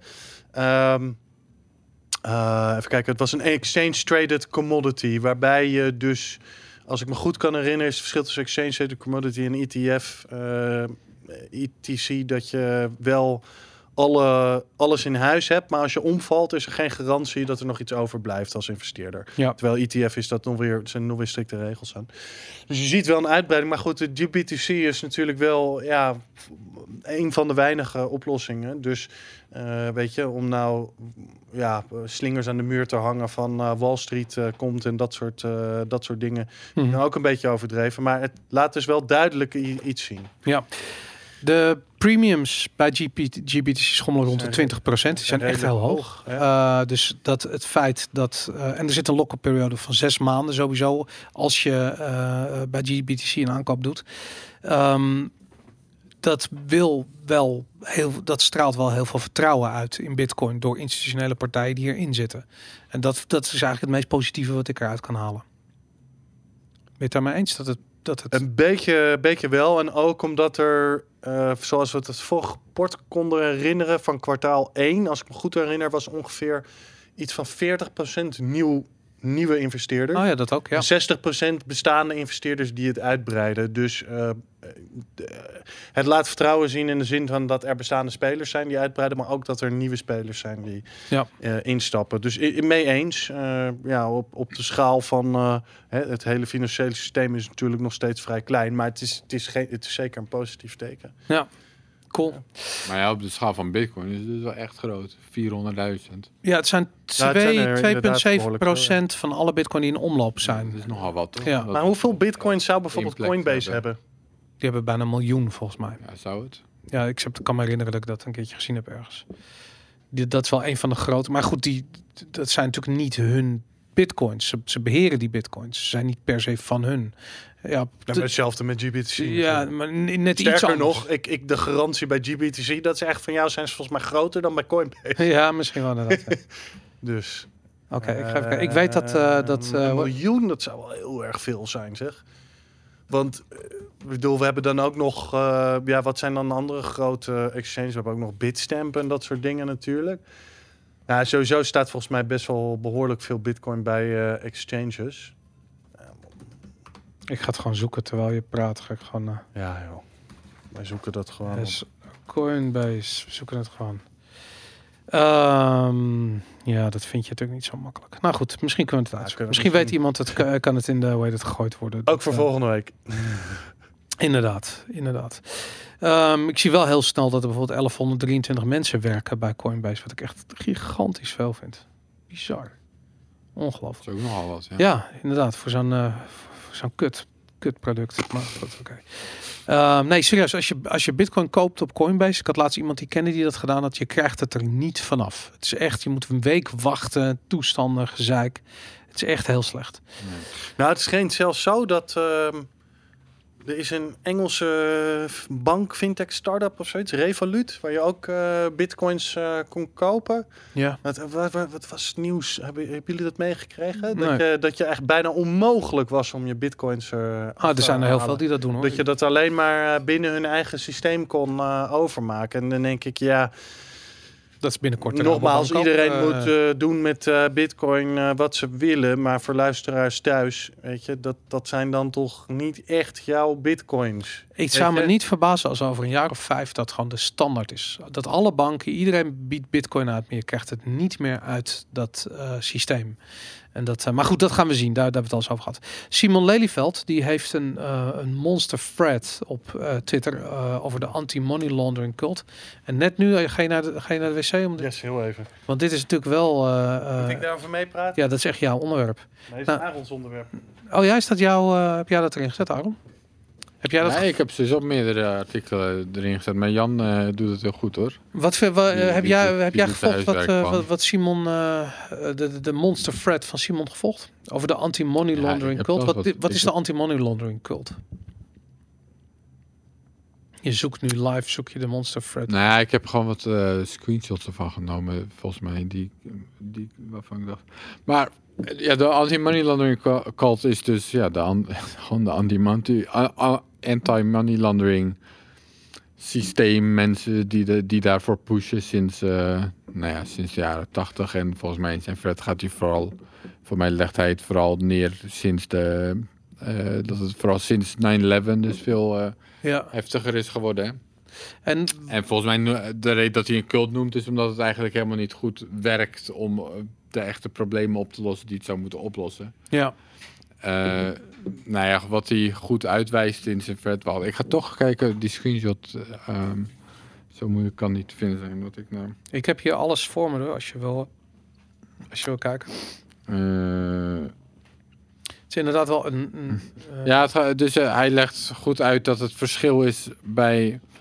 Normaal, als je dus onderzoek doet naar een potentiële crimineel, dan heb je daarvoor eh, toestemming nodig van een rechter. Die moet zeggen of iets wel, of iemand voldoende verdacht is om zijn privacy zomaar te kunnen inbreken op allerlei manieren. ja, En dat dat dus in het geldsysteem niet opgaat. En dat in plaats van ehm, verdachte transacties, Hm. wordt er bijvoorbeeld ook gebruik gemaakt van ongebruikelijke transacties. ja, Dus ongebruikelijke transacties mogen allemaal worden gemonitord. ja, Het hoeft niet verdacht te zijn, maar ongebruikelijk. En dan de definitie van ongebruikelijk, die wordt politiek bepaald. ja, Dus nu is dat weer, nou ja, alles boven 3000 euro, wat nu de grens is, dat, dat wordt dan maar als ongebruikelijk. En dan wordt er gekeken, dan, dan mag daar zonder dat een rechter zich over op wat voor manier dat hoeft te toetsen, mag er onderzoek naar worden gedaan. ja. Nou, het- hij heeft maar liefst 69 tweets. Ja, het was, het was gepakt. echt een lange vet, ja. Hij heeft dan wel aan het eind nog een korte samenvatting eh, getweet ook. En wat ik wel interessant vind, ja, wat, wat, ehm, eh, eh, wat moet je doen tegen dit systeem? Hè? Wat, wat, wat er aan de hand is. En hij zegt de eerste stap van het deprogrammeren van de cult is het, is het frame herkennen. Dus iedere keer als je iemand hoort praten over eh terrorisme, financiering eh, of eh, drugshandel, kinderporno, weet ik veel wat voor, wat voor buzzwords er eh, gebruikt worden om een emotionele reactie op te roepen, dan weet je gewoon van ja, dit is de, eh, de anti-money laundering cult eh, die aan het werk is. Eh, de tweede stap is ontmaskeren. Ehm, en dat is het meest effectief door middel van rechtszaken. En het is natuurlijk ook logisch, omdat Simon is een jurist, of is een advocaat zelfs, die, ehm, eh, die, eh, eh, die die route goed kent. Voor mij zou de media daar ook een belangrijke rol in moeten spelen. Ik snap dat in mainstream media daar ga je geen gehoor krijgen, maar juist onafhankelijke media, dit soort podcasts, maar ook de YouTube-kanalen, die moeten ehm, ja, voorop lopen eigenlijk in het licht schijnen op de onzin die maar Ja, dat, dat is inderdaad ook een van de redenen dat hij het de cult noemt. En daar ben ik dus eens. Of volgens mij beschreef hij dat in de thread, wat ik dan de overton window zou noemen. ja, Gewoon alleen maar het concept. Als je gewoon alleen maar zegt dat witwassen een onzin crime is, dat dat weg moet worden gehaald uit het wetboek van strafrecht en dat dat helemaal Ja. dat het nergens op slaat. Dat alleen zeggen dat dat argument is zo buiten de, de, de, de, de geaccepteerde opinie. Van links tot rechts, van elke politieke partij. Het is altijd zo vanzelfsprekend gebracht dat witwassen, oh, dat is zo erg. En dat we, weet je wel, wit, we, dat, we, kunnen van, we moeten van alles doen ja, om dat te stoppen. Want witwassen, oh, wat is dat erg. Terwijl als je er dus wat dichter...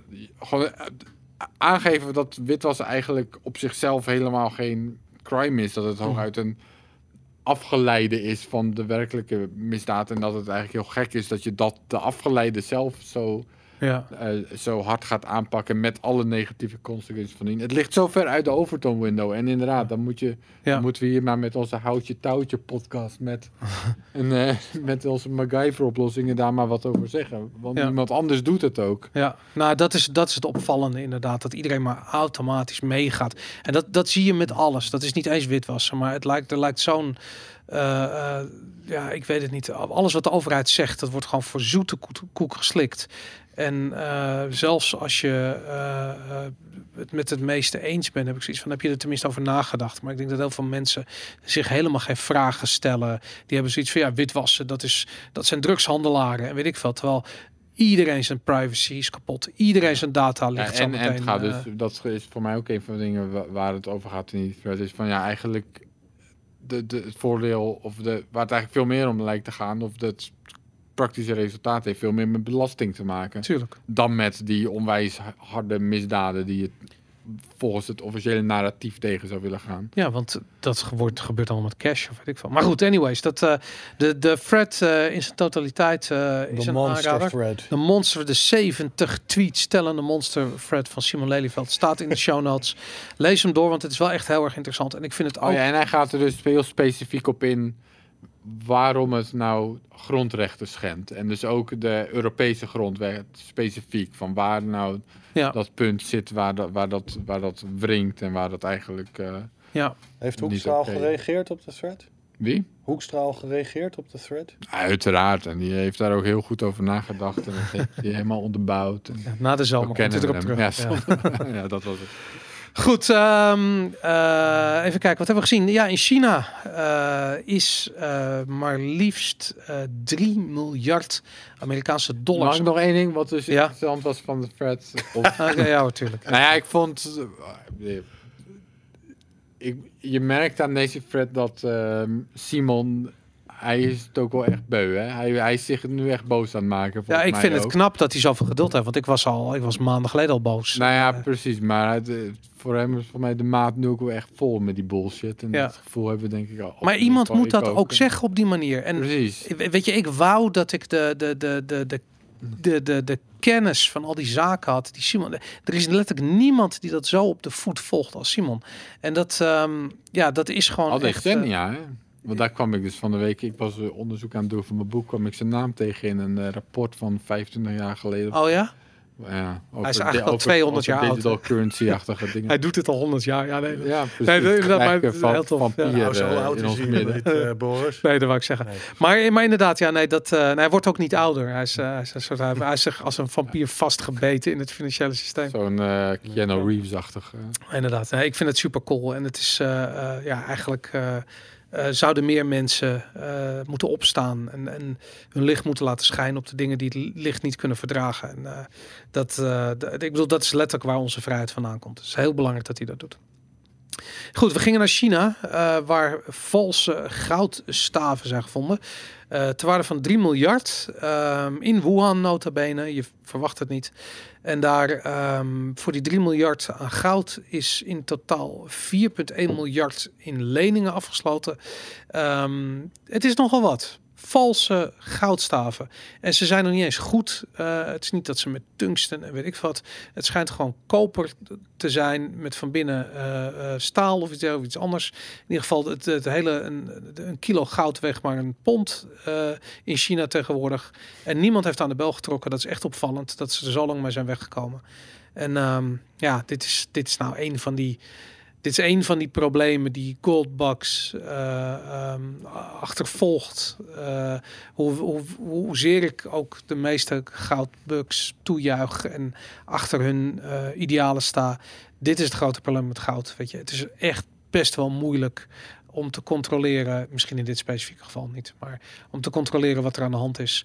Uh, het vaak op reputatie gebaseerd. Uh, er zijn weinig mensen die misschien wat goud kopen en dat vervolgens laten testen of zo. Weet je, dat doe je niet zo snel, denk ik, weet ik niet. En Bitcoin heeft dat probleem. Het schijnt dat je met tungsten uh, behoorlijk.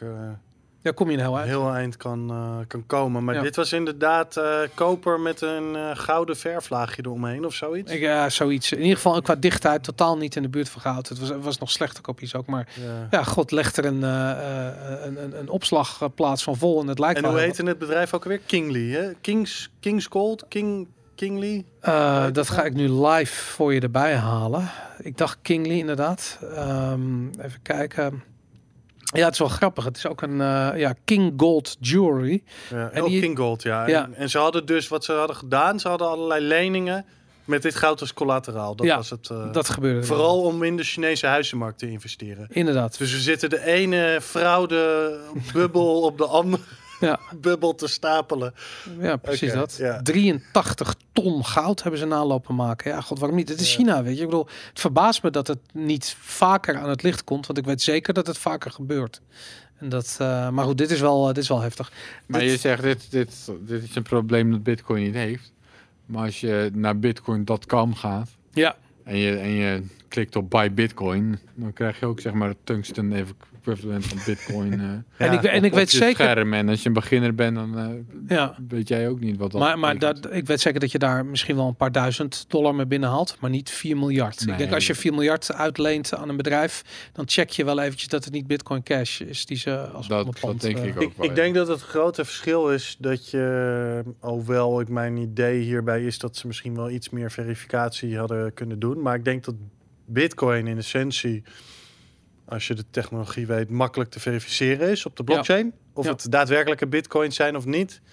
En met goud is dat, kan dat echt heel erg lastig gemaakt worden. Het is natuurlijk een andere vraag of daadwerkelijk mensen daar gebruik van Ja. gaan maken. Want er zullen ongetwijfeld een hele hoop mensen die denken dat eh, bitcoin.com precies gewoon bitcoin is. Of eh, ja, er zijn ook een hele hoop mensen die eh, op Revolut eh, bijvoorbeeld bitcoin kopen. Of daar nou bitcoin tegenover staat of niet, of wat dan ook. Ja, Maar goed, het is wel zo dat je denkt bitcoin wel makkelijker op echtheid kunt verificeren in principe dan, dan goud. Nou, er staat ook nog hoe, hoe ze dit. het is een artikel op Small Caps, een Australische site. En wat interessant is, wat ze zeggen ook, is dat de grootste aandeelhouder van King Gold is een Jia Jihong. En eh, die wordt omschreven als een ex-militair met een eh, intimiderend, eh, intimiderende uitstraling. En dat heb je namelijk nodig op het moment dat, je, dat het product namelijk niet goed is. Je hebt iemand nodig die het heel goed kan verkopen. En waar mensen niet aan twijfelen. Nou ja, als je dan iemand hebt die, ik bedoel, als je in China een ex-militair bent, een hoge militair ook geweest, dat is al intimiderend. Als iemand dat ook nog als uitstraling heeft, Ja. dan ga je misschien niet zo snel eventjes zo'n zo'n zo'n zo'n zo'n staaf meenemen om te testen naar huis. Weet je, en dat is, dat is wat hier aan de hand is. En het, het is gewoon een prachtig voorbeeld van don't trust verify. En dat is het mooie eraan, dat het eh, ja, op het moment dat het op zo'n schaal losgaat, dan ehm, ja, dat soort voorbeelden zie je niet altijd wel. En als je ziet, dan, eh, dan zijn ze spectaculair, zoals deze. Goed, laten we nog eventjes snel hebben over ehm, een eh, systematische aanval op het Lightning Network genaamd de Flood and Loot Attack. En eh Aaron, jij hebt eh, eh, even gekeken naar wat dat ongeveer inhoudt. Kun je dat... Ik heb, ik heb het ik heb het met een schuin oog gevolgd, laat ik het zo zeggen. Oké, Maar het idee is, volgens mij is het idee op zich niet heel nieuw. Dat, ik kan me herinneren dat Peter Todd al zoiets beschreef voordat het Lightning Network er was. Mhm. Maar dat is dus dat je, je hebt een channel balance. En op een gegeven moment als jouw counterparty probeert te cheaten door een oudere balans, waarin hij dus meer geld heeft eh, op het netwerk te zetten, dan ehm, heb jij je penalty transactie, of hoe dat tegenwoordig ook heet, daar hebben ze een nieuwe naam aangegeven. Of, of misschien is dit juist een nieuwe naam, weet ik veel. Eh, om, en dan heb je dus een bepaalde tijd om die on-chain te krijgen. Ja, En dan krijg je de hele channel balance zelfs. oké. Als soort van penalty dus. Ehm, als er... Maar dan moet je dus die penalty transactie wel op tijd op de chain krijgen. Ja, Want daar, als de timelock is verlopen, dan heeft de, jouw counterparty meer geld geclaimd in de channel en dan heb jij het niet kunnen terugpakken. Ja. Dus op een, als er nou heel veel transacties tegelijk zijn en de, blo- en de blokken vol raken en jouw transactie, jouw penalty transactie daardoor niet op tijd erin komt, ja, dan, eh, dan, je, dan ben je genaaid. Als je nu als aanvaller, dit is volgens mij de aanval, je hebt heel veel channels open. ja, En dan op een gegeven moment trigger je die bij al jouw counterparties tegelijk. Probeer je ze eigenlijk allemaal te cheaten op een of andere manier. ja. Dan moeten ze dus allemaal eh, dat eh, hun penalty transactie op tijd op het, op het netwerk zien te krijgen. En het zou ook nog kunnen dat je in dit geval dat je tijdens een route doet of zo. te- Mhm. payment route.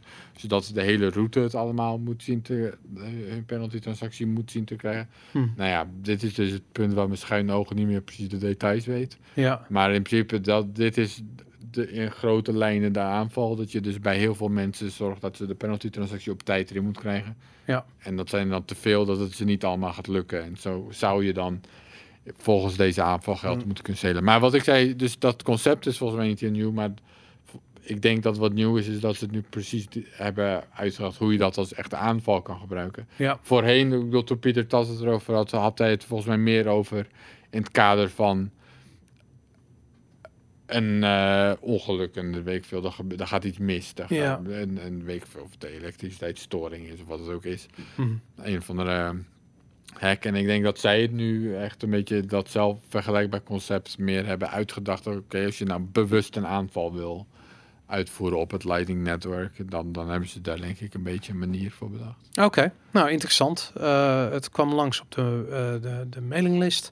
Het is iets waar eh, ehm, ja, naar gekeken wordt. Om te kijken of dat op een andere manier opgelost kan worden. Nou, wat het wel zegt voor mij is dat, en voor andere mensen misschien ook, is dat zoiets Lightning, en dat zeg ik altijd al trouwens, dat is een work in progress. Ja. En dat is echt niet. ehm daar komen trailers bij en het is complex en dat is allemaal helemaal niet zo makkelijk om dat goed te krijgen. En het is ook.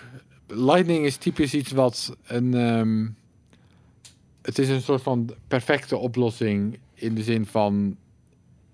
Je hoeft haast geen. Je kan scalen zonder dat het überhaupt haast een compromis is. Ja. Maar het is een soort van have your cake, eh, cake and eh, eat it too-achtige oplossing. Dat, het is haast perfect in die zin. Ja. Eh, maar goed, het is wel met heel comple veel complexiteit. En daardoor krijg je dit soort dingen. Misschien is dat dus het imperfecte dan eraan.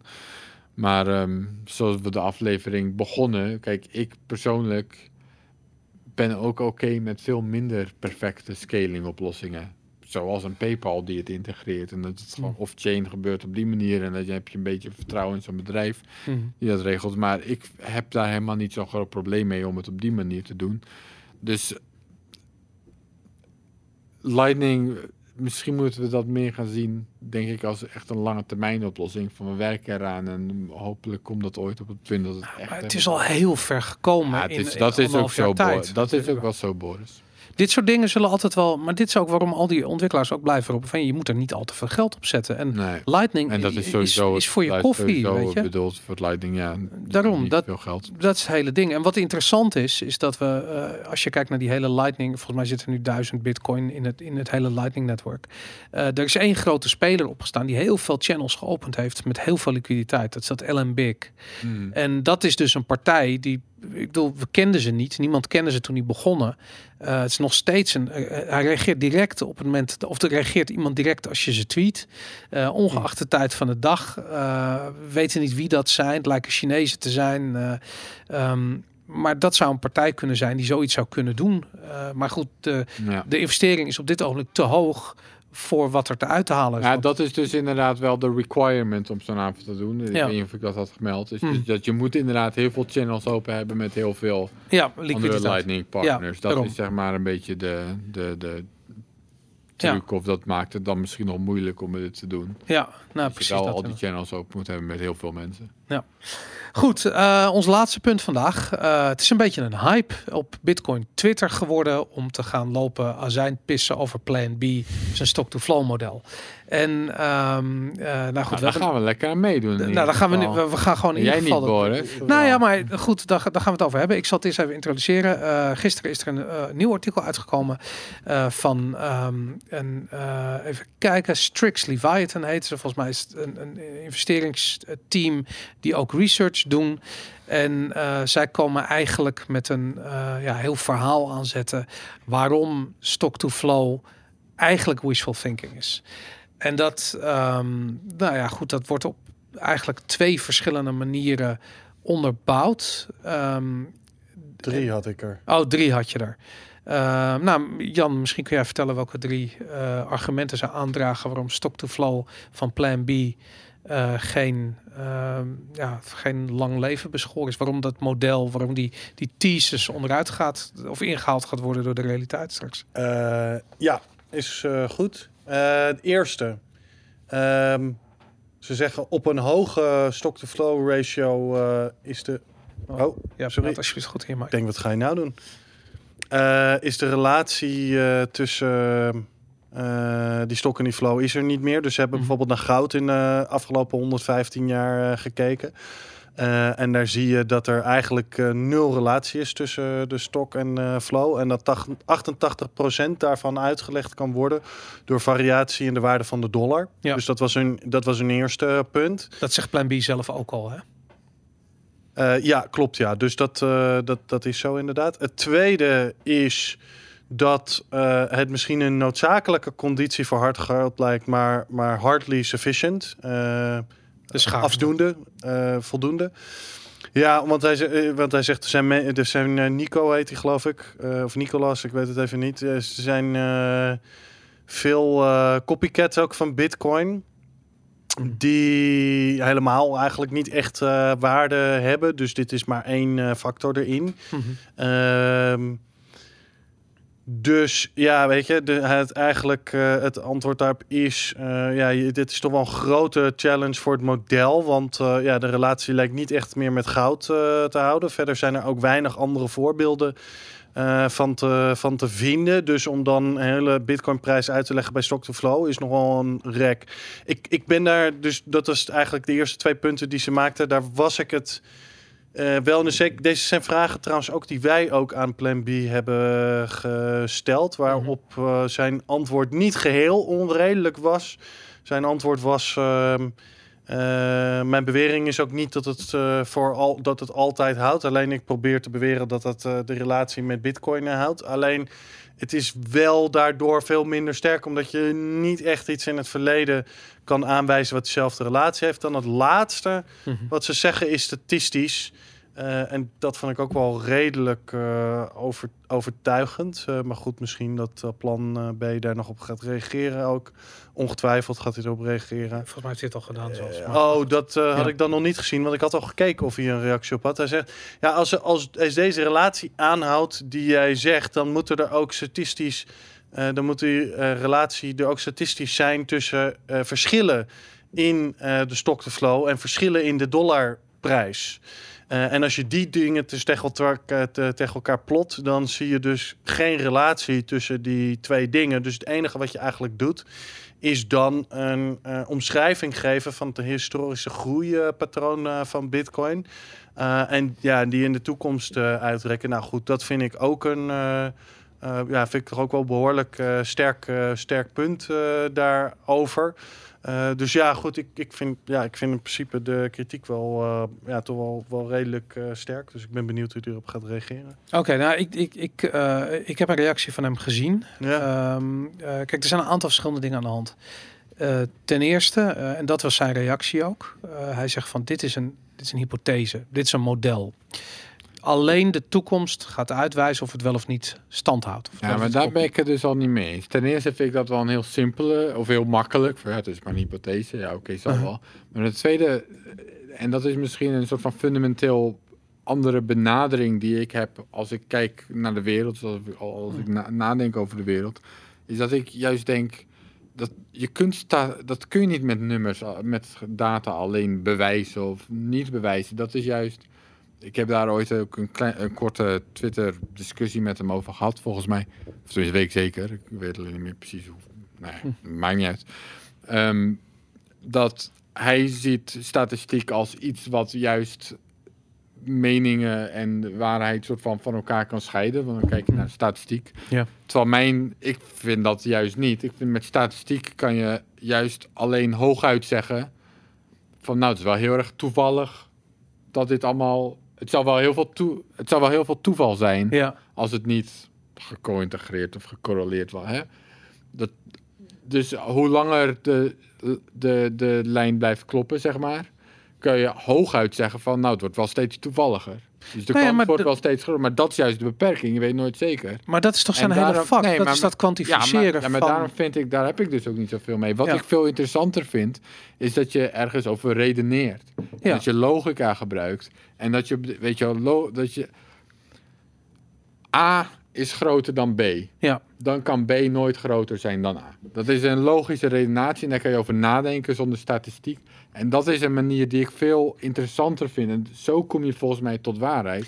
maar Dus maar mag, mag ik daar heel even op ingaan? En te redeneren. En met alleen statistiek kan je hooguit zeggen... nou, het zal wel heel toevallig zijn als het niet zo. Maar ik vind juist namelijk dat hij als geen ander dat doet. Want omdat hij een echte bitcoiner is en er al best wel lang in zit en ook echt de fundamenten van bitcoin begrijpt, gebruikt hij ook de fundamenten om zijn, eh, om zijn theorie te staven.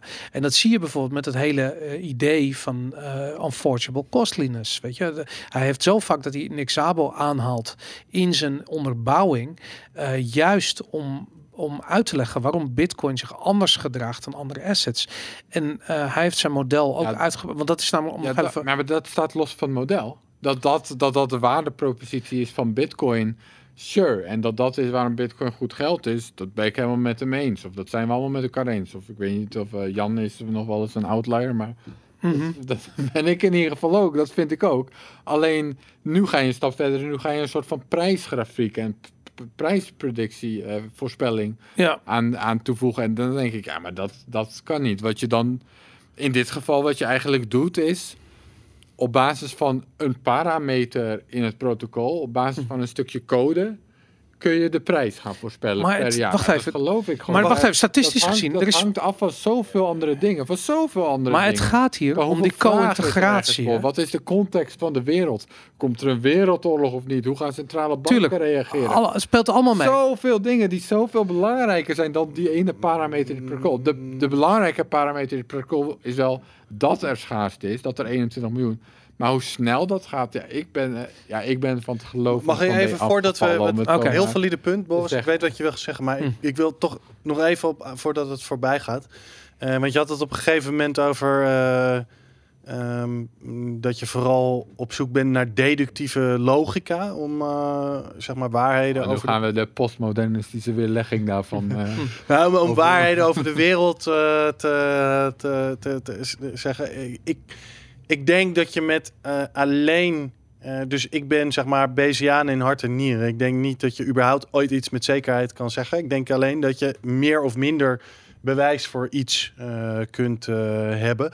Alleen ik denk dat je alleen aan de hand van deductieve logica dan niet heel ver komt met stellingen over de wereld. Dus volgens mij ontkom je er niet aan om inductieve logica te doen. Dat neemt niet weg dat je uiteraard in alle statistische onderzoeken die je doet, bepaalde assumpties en dat soort dingen hebt die je allemaal moet meenemen in je oordelen daarover. Maar dus mijn vraag is eigenlijk aan jij, want jij zegt ja, ik, ik vind dat je vooral logica moet gebruiken, A is groter dan B.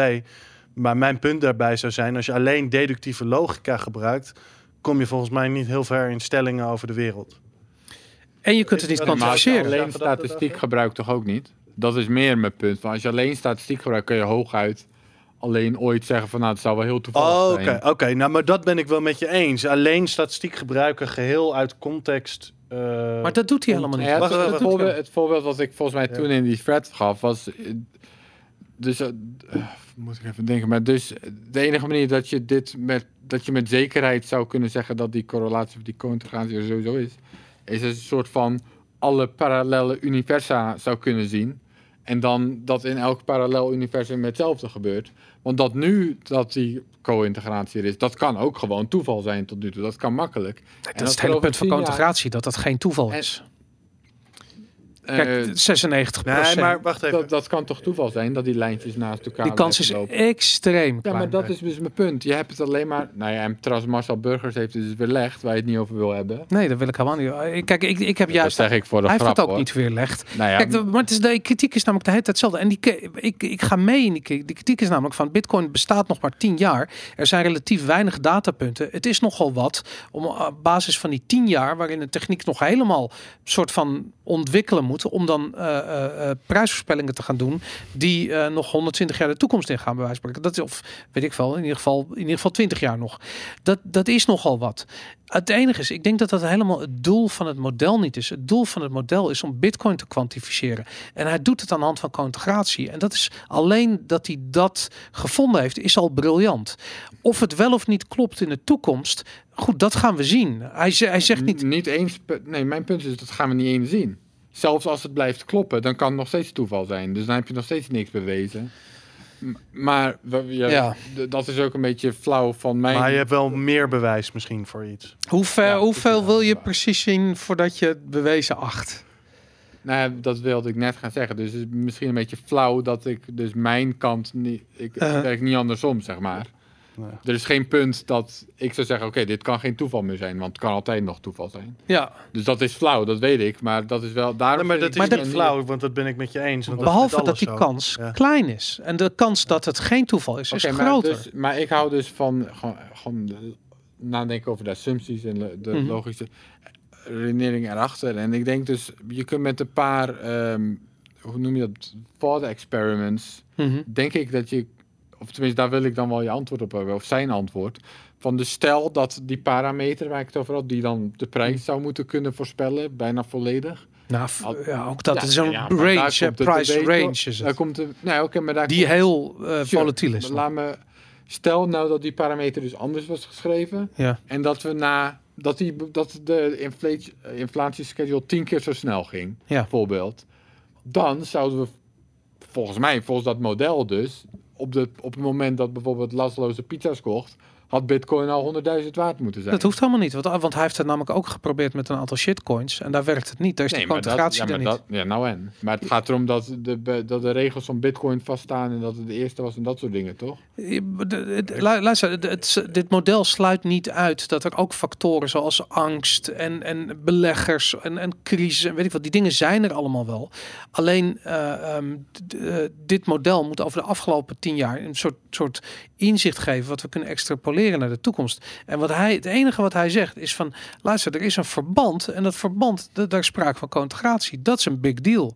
Dat is, dat is de essentie van waar zijn vernieuwing in zit. Want, want als je dat niet neemt, wat je dan gaat krijgen zijn gewoon alle eh, hoe heet het, wiggelroedes die alle goed, daar- traders hanteren. Maar, maar daar verschillen dus sowieso de meningen over. Dat Maar- het pro-integratie is inmiddels. Nee, dat denk ik geval. niet. Nou, Jawel, want Marcel Burger Ja, zegt die dat er dus niet mee eens. ja, maar die zegt eigenlijk er zijn niet genoeg datapunten om dat heel hard aan te tonen. En dat, is, Ja, dat heeft te maken ja, met, het, met, met, met hoe kort Bitcoin bestaat. En daar is gewoon niet zoveel aan te doen, want Bitcoin bestaat niet langer dan tien Nee, jaar. oké, voor, de, maar- voor de duidelijkheid, ik heb dat artikel van Marcel Burgs gelezen en ik snapte er niks van. Mijn argument gaat daar helemaal niet over, maar ik constateer wel van, oké, dus zelfs quants zijn niet met elkaar eens dat dat zo is. Natuurlijk, maar dat, hoeft ook niet. En als ik vervolgens ook de logica achter dat hele model niet vind. Ander thought experiment dan. Mhm. Stel dat morgen de miners met z'n allen zeggen: hey, weet je wat, we gaan nog maar de helft van de block reward gebruiken. Ja.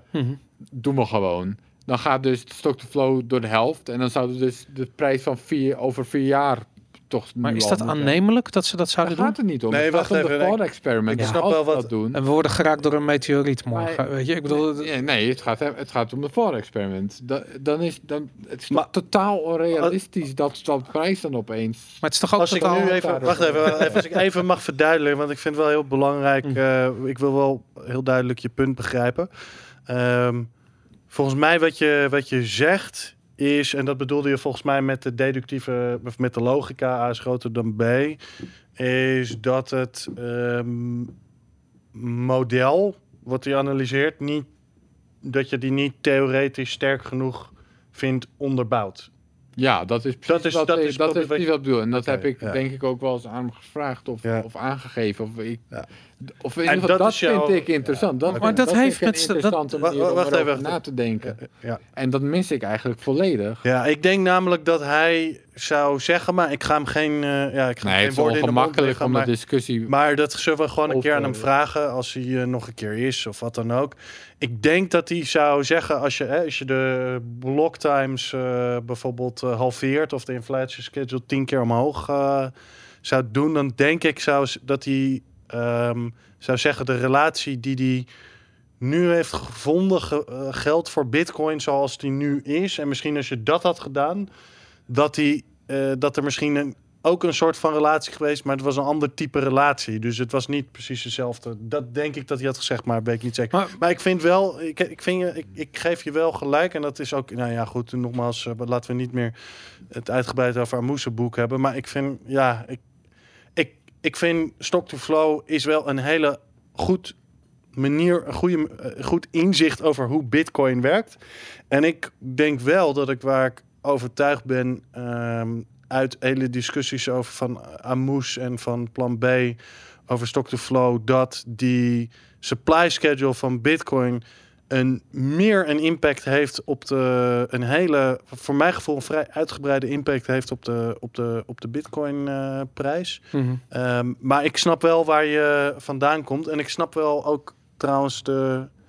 Ik vind de kritiek hoor, die die hier wordt gegeven, vind ik vrij, eh, vrij goed. Nee, ik eh. vind- Nou, ik, ik, ik vind het dus niet. Maar nou, sorry, nog één, want ik wil even reageren op. Ik, ik vind namelijk, eh, eh, kijk, dat model wat hij, eh, eh, wat hij heeft gebouwd, dat doet niks anders dan dat het kijkt naar historische prijsactie en eh, eh, eh, hoe heet het, de hoeveelheid bitcoin die erbij komt eh, na een halving, bij wijze van spreken. Ehm, als je daarnaar kijkt, wat er in het verleden is gebeurd, dan, dan, dan, dan zie je daar een patroon in. En hij heeft daar een wisku uh, wi- eh, hoe heet het, zijn wiskundige model uit, eh, uitgehaald. En daar is de sprake van. De, de- Ja, of dat niet is, dus. En Oké, oké, oké. Maar wacht even, dit is zijn model. Dus ik, ik heb het over zijn model. En ehm, eh, hij zegt van ja, die kans dat, dat, dat er sprake is van conjugatie is echt bijna eh, eh, ja, iets wat we in de natuur niet veel zien. Zo groot is die. En dat. ehm, eh, dat is wat hij zegt. Hij zegt van ja, als je dat doortrekt naar de toekomst, dan is dat wat dit betekent voor de prijs. D- dat is alles. De kritiek die ik op zijn model zie, is voornamelijk gebaseerd op het feit van ja, maar er, is- er zou meer, daar, we zouden meer zekerheid. We zouden meer, Nee, maar dat ja. is niet de kritiek, Nee, Boris. Nee, nee. sorry, maar dat is echt niet de kritiek. En ik, weet je, en hij, wat jij nu zegt, omschrijft hij precies. Hij zegt eigenlijk wat Plan B heeft gedaan. Dus tenminste, dat is zijn bewering. Deze Mhm. man, hoe heet hij nou? Nicolas Corey? Ik ben even, ik ben, nou ja, maakt De. Schrijver van dit artikel heet Nico Cordero. Nico, Nico. Ja. Ja. wat hij zegt is, wat Plan B eigenlijk heeft gedaan, is Mhm. de geschiedenis van Bitcoin gepakt, daar een lijn geplot en hij trekt die lijn door. En hij zegt dat kun je doen, maar dat zegt eigenlijk niet zoveel over de toekomst, maar wel over het verleden. Wil je echt iets over de toekomst zeggen, dan weten statistici dat je dat op een andere manier dan alleen dat, eh, op, alleen op die manier moet doen. En Mhm. er zijn heel veel voorbeelden van hoe je vrij goed werkende modellen kunt maken die eigenlijk nergens eh, op slaan. En dat is een beetje zijn bewering. Bijvoorbeeld een heel bekend eh, voorbeeld daaruit, die ik eh, zeg maar in, eh, in eh, mijn statistiekcursussen kreeg, is de relatie tussen de hoeveelheid vlekken op de zon en inflatie. Ja. Dus daar kun je ook enorme hoge R-squareds uitkrijgen. Met dat soort relaties natuurlijk uiteraard... of er moet echt een complot zijn waar ik niks van af weet... Mhm. helemaal niks met elkaar te maken hebben. En dat is Ja. een beetje zijn bewering. Ik zeg niet per se dat hij daar gelijk mee heeft hoor. Maar dat is zijn, dat is zijn reactie. Ik ben wel benieuwd wat plan B hier zelf Ja, zeker. Over zegt. En dan nog één ding. Wat, eh, Ja. Kijk, zijn, wat zijn model natuurlijk een goed, eh, eh, goed onderwerp van kritiek maakt, is de krankzinnige prijsontwikkeling die Bitcoin doormaakt. Mensen kijken hier naar en die hebben zoiets van. wat 10 miljoen voor één bitcoin in wat in ik, ik, ik- wat is het vijf jaar of zo of tien jaar van nu dat is extreem maar dat is gebaseerd op het feit dat we dat al hebben gezien bitcoin is van 0 eh, dollar naar 19.600 dollar gegaan bij wijze van Mhm. spreken dat is gewoon dat is een krankzinnige prijsontwikkeling dat is echt Mhm. bizar gewoon in zo'n korte tijd. Nou, en dat, eh, ehm, eh, dat je dan dat soort in het verleden behaalde resultaten in de toekomst misschien niet helemaal op hetzelfde manier kunt verwachten. Mhm. Dat is de logische s- skepsis die iedereen heeft. Weet je, ik bedoel, ik, dat heb ik gezegd. Ik kan me niet voorstellen dat een bitcoin ook 10 miljoen waard is. Aan de andere kant, waarom ook niet? We hebben gekke dingen gezien in het verleden. En dat. eh, ehm, Ik kan me best voorstellen, maar niet op basis van het model. Maar het, ba- het, is natuurlijk is niet op basis van het model. Het is op basis van de fundamenten van Bitcoin. Dat model is alleen maar een manier om Ja, de data te context Van de interpreteren. wereld en zoveel dingen die er Eh, allemaal, allemaal. invloed op hebben. Ja, maar, Maar daarom vind ik het dus... ja, nee, ik snap je. Je, ja. je versimpelt het naar een parameter kan de prijs voor. Maar wat ik zo interessant vind, want, want waar ik, ik, ik, Mag ik zeggen waarom ik het vervelen? Of wat, Ja, wat, wat, me graag. er, wat me eraan... Wat me... Oké, laat ik dan Hmm. als eerst zeggen... Mhm. eh, om dat dan maar als eerste punt even te brengen. Ten eerste, Plan B, hij is hier ook geweest en ehm, ik heb hem ontmoet. En ik vond hem, ik vond hem juist wel een redelijke man. En wij waren best wel kritisch en daar ging hij ook goed mee om. Mhm. En dat vond ik ook tof. Dus het is ook niet persoonlijk wat ik zeg. Mhm. Eh, maar wat ik wel merk, en hij vond het ook helemaal, hij vindt het ook helemaal prima als zijn model niet blijkt te kloppen. Dan is het Mhm. weer legd. En daar staat hij voor mij best wel Ja, rationeel wetenschappelijk in. En dat, Mhm. dat kan ik allemaal waarderen. Maar ik merk dus wel dat sommige van zijn volgers, en dat zie je vaker met, eh, met, met, met eh, weet ik veel, thought leaders of hoe je het wil noemen, dat juist de volgers eigenlijk radicaler worden dan Ja, we were wel, promised wordt- Lambos. There would be je- Lambos. als je nu- dat je nu, ja, precies. Maar dat als je nu het er niet mee eens bent, of Hm. dat dan word je haast als een soort van ketter gezien. Of dat, Nee, maar nee, dat ik- je harder erop wordt aangevallen dan door hemzelf. Of dat, dat de Eh, wel, laat, me dit even persoonlijk eh, interpreteren. Want, want eh, als ik die persoon ben waar je het over hebt. Nee, niet per se, Maar, maar, maar maar want mijn, mijn eh, context is namelijk is dat ik best wel kritisch ben over technische analyse. Ik ben geen groot fan van de geodriehoeken en van de, van, de, van de indicatoren die gebruikt worden. En vooral de simpelheid waarmee even de prijs van gisteren voorspeld wordt. En maar de aanname wordt gedaan van dat zal morgen dan ook wel het geval zijn. En dat zie ik overal in Bitcoin. Dat doet bijna iedereen. Sterker nog, ik denk als je, weet ik veel, als je, als je alle beginners gaat vragen wat technische analyse hebt, dan de- zullen ze denk ik denken dat het een manier is om prijsontwikkeling te voorspellen voor de toekomst. Veel mensen zullen misschien een cursusje kopen omdat ze denken dat ze daarmee de toekomst En er kunnen nog goed geld voor betalen. Inderdaad, dat dus. En ik heb zoiets van ja, dat is. eh, eh, ik heb dat, weet je, ik, ik al meegemaakt sinds ik in Bitcoin zit, zie ik die mensen dat soort producten verkopen en dat soort verhalen vertellen. En ik kan er helemaal niks mee, omdat ik er gewoon vind dat het een goed voorbeeld is van veel te weinig data uit het verleden. eh proberen te, te passen in een veranderende context die eh, totaal anders is. Dat gaat, dat werkt helemaal niet. Dus dat is jouw argument van ja, maar je weet niet wat er in de toekomst gebeurt. Met technische analyse is dat absoluut zo. En waarom ik nou zijn eh, model, dus plan B, stock to flow model interessant vind, omdat hij juist statistisch een stap verder gaat. Weet je, hij zegt niet van ja, vroeger is er dit gebeurd en daarom gaat er dat gebeuren. Hij zegt van moet je eens kijken wat er vroeger is gebeurd. Die, eh, daar sprake van contegratie. Dat is opvallend. Dat komt niet vaak voor. En nu komt het voor. hey, dat is opvallend. Kijk er eens goed naar. En dat is eigenlijk wat hij zegt. En eh, eh, da- daarvan heb ik zoiets van, dat is in ieder geval statistisch gezien al duizend keer beter onderbouwd dan al die geodriehoek, roede, wiggelroede eh, traders die, die denken dat ze de toekomst kunnen voorspellen. Ja, nou, je, je legt het heel mooi uit. Ik ben het helemaal met je eens. Want als ik door zijn Twitter feed scroll, en Ja. nogmaals, ik bedoel het allemaal niet persoonlijk, maar ik scroll door zijn Twitter feed. In, Mhm. in, eh, de- toen, eh, omdat ik wist dat we het Mhm. over eh, de ding ging hebben, bijvoorbeeld, was ik gisteren een beetje aan het scrollen. En wat ik zie is heel erg wiskundig klinkende en heel erg wiskundig ogende tweets die zeggen je wordt rijk. En dat krijgt dan duizend retweets. Ja, maar sorry, daar ben je allergisch voor. Ik, ook. Ik, ja, ook. maar Tuurlijk, dat ja, is maar kut. wel een Ja. beetje, ja. Want ik, ik kijk ernaar en ik denk, ja, sorry, dit is niet een heel erg origineel idee. Dit is niet iets waar ik wat mensen aan denken zet. Het is, niet, het is gewoon een grafiek die je wiskundig zegt, je wordt rijk. Duizend retweets, ja. Maar dat is, dat is precies maar wat dat het is is. wel het soort mensen wat dit dan aantrekt. En is dat wat Ja, maar wacht, willen? wacht heel even. Ik Hè. weet het niet, Je hoor. moet het wel zien. Hij, hij presenteert dit. Ik bedoel, dit wordt door de, wat is de Bayern Landesbank in hun soort van forecast paper over Bitcoin wordt het overgenomen. Waarom? Het is ook een sales argument. Het is een argument om Bitcoin te kopen voor mensen die geen zin om zich te verdiepen in de argument of, of in de fundamenten van Bitcoin, maar wel graag rijk willen worden. Nou, waar vind je die mensen in de financiële wereld?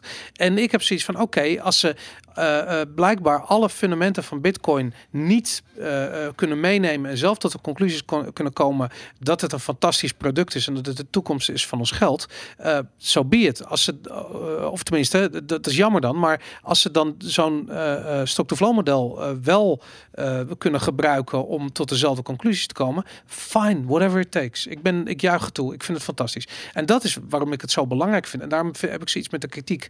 De kritiek is alleen maar, ja, we kunnen de toekomst niet voorspellen. Ja, de, dat is, dat is ook niet waar dit over gaat, weet je. Dit gaat over de fundamenten van Nee, de Bitcoin. kritiek is dat er geen eh, rekening wordt gehouden in het model met de vraagkant van het verhaal. Ja, maar omdat je die dat minstens net zo belangrijk Ja, maar is als de aanbodkant. kun je niet weten, daarom. En dat, maar dat is wel Ja, maar dan heb, je, dan heb je dus een model van... Als je, ja, je kan niet weten inderdaad. Maar, maar vergis je niet, het is, hij zegt niet het wordt 9999 dollar waard op eh 31 december. Zo. Ik bedoel, hij heeft toch een bandbreedte van hier tot Tokio. Ik bedoel, het, is, het, schommelt tussen de 50.000 dollar en de 4 ton. Ik bedoel, dat is nogal wat, weet je. Dus het gaat er meer om dat hij zegt van kijk nou eens even wat die halvings Maar goed, dan zeg je dus al minstens 50.000. Dat- Jij noemt dat dus een bandbreedte van hier tot Tokio, maar minstens 50.000. Ik vind het nogal wat. Ja, nee, ik vind het ook nogal wat. Het is krankzinnig, tuurlijk. En, en, en dan hebben we dus nog over en dan hebben we dus nog over de Market hypothalamus. De- de- de- Nu de- kan ik de dat woord nijlpaard. weer niet uitspreken. Ja, nee, maar dat is een andere. Dat is andere. En, daar, en dan de uitleg van hoe dat zou moeten. eh, Maar luister, hij, het is niet dat het, is toch ook in niet dat er geen kritiek mogelijk is. Het is, maar de, de, de, die, dat nijlpaard, die, dat, dat is terecht. Weet je, want als het inderdaad zo in het... Valt niet te rijmen met het model. Nee, waarom koopt niet iedereen bitcoin als je zeker weet... popcorn in de keuken trouwens. Ja, nee, dat. Maar ik vind de discussie daarom ook heel leuk, weet je. En ik, ik vind het ook heel... eh, eh, ik, het lijkt me super cool om dit ook met hem eh, te, te, te bespreken. En het enige wat ik heb is van ja, ik zie, ik zie kritiek komen op zijn model vanuit een hoek van mensen die maar die best wel geprofiteerd hebben van zijn model, weet je, die echt op die golf zijn gaan meesurfen. Ja, nou goed, de, de, eh, ehm, eh, dat heeft gewoon met, met, met Twitter en met aandacht te maken. Ja, bedoel, sorry, maar hij- dit was juist mijn derde argument ertegen. Mhm. Of wa- waarom ik me er ook aan stoor, is omdat je juist dus met zo'n model zeg je eigenlijk van het gaat om die parameter en de rest maakt niet uit. Wat al die developers. Dat is toch wat technische wat analyse al, ook wat is. al die developers voor werk hierin steken. Mhm. Wat voor stress ze hebben ervaren Tuurlijk. om een aanval te voorkomen in de hele block size wars. Wat ik eh, Ja. dichtbij heb gezien. Het maakt eigenlijk allemaal niet zo uit, want in de parameter staat toch. Want dat je ziet het toch wel in de grafiek. Ja, dat En is wat daarmee Toon vind- Wees en daarmee, en daarmee vind ik eigenlijk, ja, dat is haast. En de- we- het- hij bedoelt dat niet zo, het is ook niet pro. Ja, dat Maar hij heeft dat niet bedacht. Maar ja, maar dat ik. Je, je wuift daarmee zoveel Natuurlijk, maar ik ben het met je eens, werk ja. wat mensen erin steken en zoveel andere factoren. Maar dat is Warren En Buffett zegt exact hetzelfde. Van de prijs. werken zijn om, aan de, om de re- regulatie Wyoming of weet Ik in de ja. hele wereld en al die moeite. het maakt niet uit, want het zit gewoon in die parameter. Ja, En nee, de dat prijs ik- zegt dat- alles. En dat ja. is iets waar ik me dan toch... eh, dat, dat, dat is de derde reden dat ik me er een beetje aan stoor. Ja. Dat het zo. Groot wordt gemaakt. En ja, maar omdat je houdt niet van de, van de hypothalamus. Dat, dat snap ik. En dat, eh, juist wel. Nou ja, je- nee, want die, de hypothalamus zegt van wat er ook aan de hand is, dat komt tot uitdrukking in de prijs. En dat, eh, en, maar jij zegt zoiets van ja, maar wacht even, dan ga je even voorbij aan het gezweet en aan het gezwoeg van al Ja, die maar mensen. dat, dat komt toch juist... Dat komt wel eh, terug in de prijs. Eh, Dat model zegt dat het eigenlijk niet uitmaakt. Nou, maar de hypothalamus zegt van Het de model prijs. Je hoeft zegt- alleen maar te kijken Het naar model prijs. zegt, als de developers morgen stoppen, maakt niet uit. De model is model. Het parameter blijft hetzelfde. Nee, nee, nee. Luister, de model zegt er is sprake van contegratie. eh, Ja. Als je het hebt over stock-to-flow in relatie tot de prijs, de US dollar prijs, gebaseerd op data van het verleden. Ja. Eh, wat interessant zou zijn, is als jij terug kon gaan in de tijd en je kon eh, de, de, alle developers laten stoppen Ja. en de prijs zou nog steeds hetzelfde zijn geweest. ja. Dat was interessant, maar dat kan helaas niet. Ja, nee, dat, dat suggereert het model dat dat niet kan. En dat klopt, want dat kan ook niet. Je kunt niet terug in de tijd en de developers laten stoppen met ontwikkelen. Dus het zegt alleen maar iets wat er in het verleden is pla- plaatsvonden. En wat het zegt over het verleden is dat er wel een opvallende eh, relatie lijkt te zijn tussen die prijs en die stock-to-flow. Dat is alles. En als die, omdat die relatie zo opvallend is, zou je daar best wel wat eh, uitspraken over de toekomst kunnen doen. En dat is precies waar het, waar het, waar het natuurlijk een, een, een speculatie-effect krijgt. Ik bedoel, je weet het niet. We kunnen de toekomst. Je hebt gelijk, als er morgen een zonne, weet ik veel, een vlam en weet ik veel, en alle IMP-toestand en alle elektriciteit is weg, we hebben geen internet meer. Ja, dat zal best wel eens een effect hebben op Bitcoin. Maar eh, kun je dat incalculeren in zo'n model? Nee, tuurlijk niet. Weet je, dus daar gaat het ook niet echt om. Hier Wat, wat moeten we er dan mee?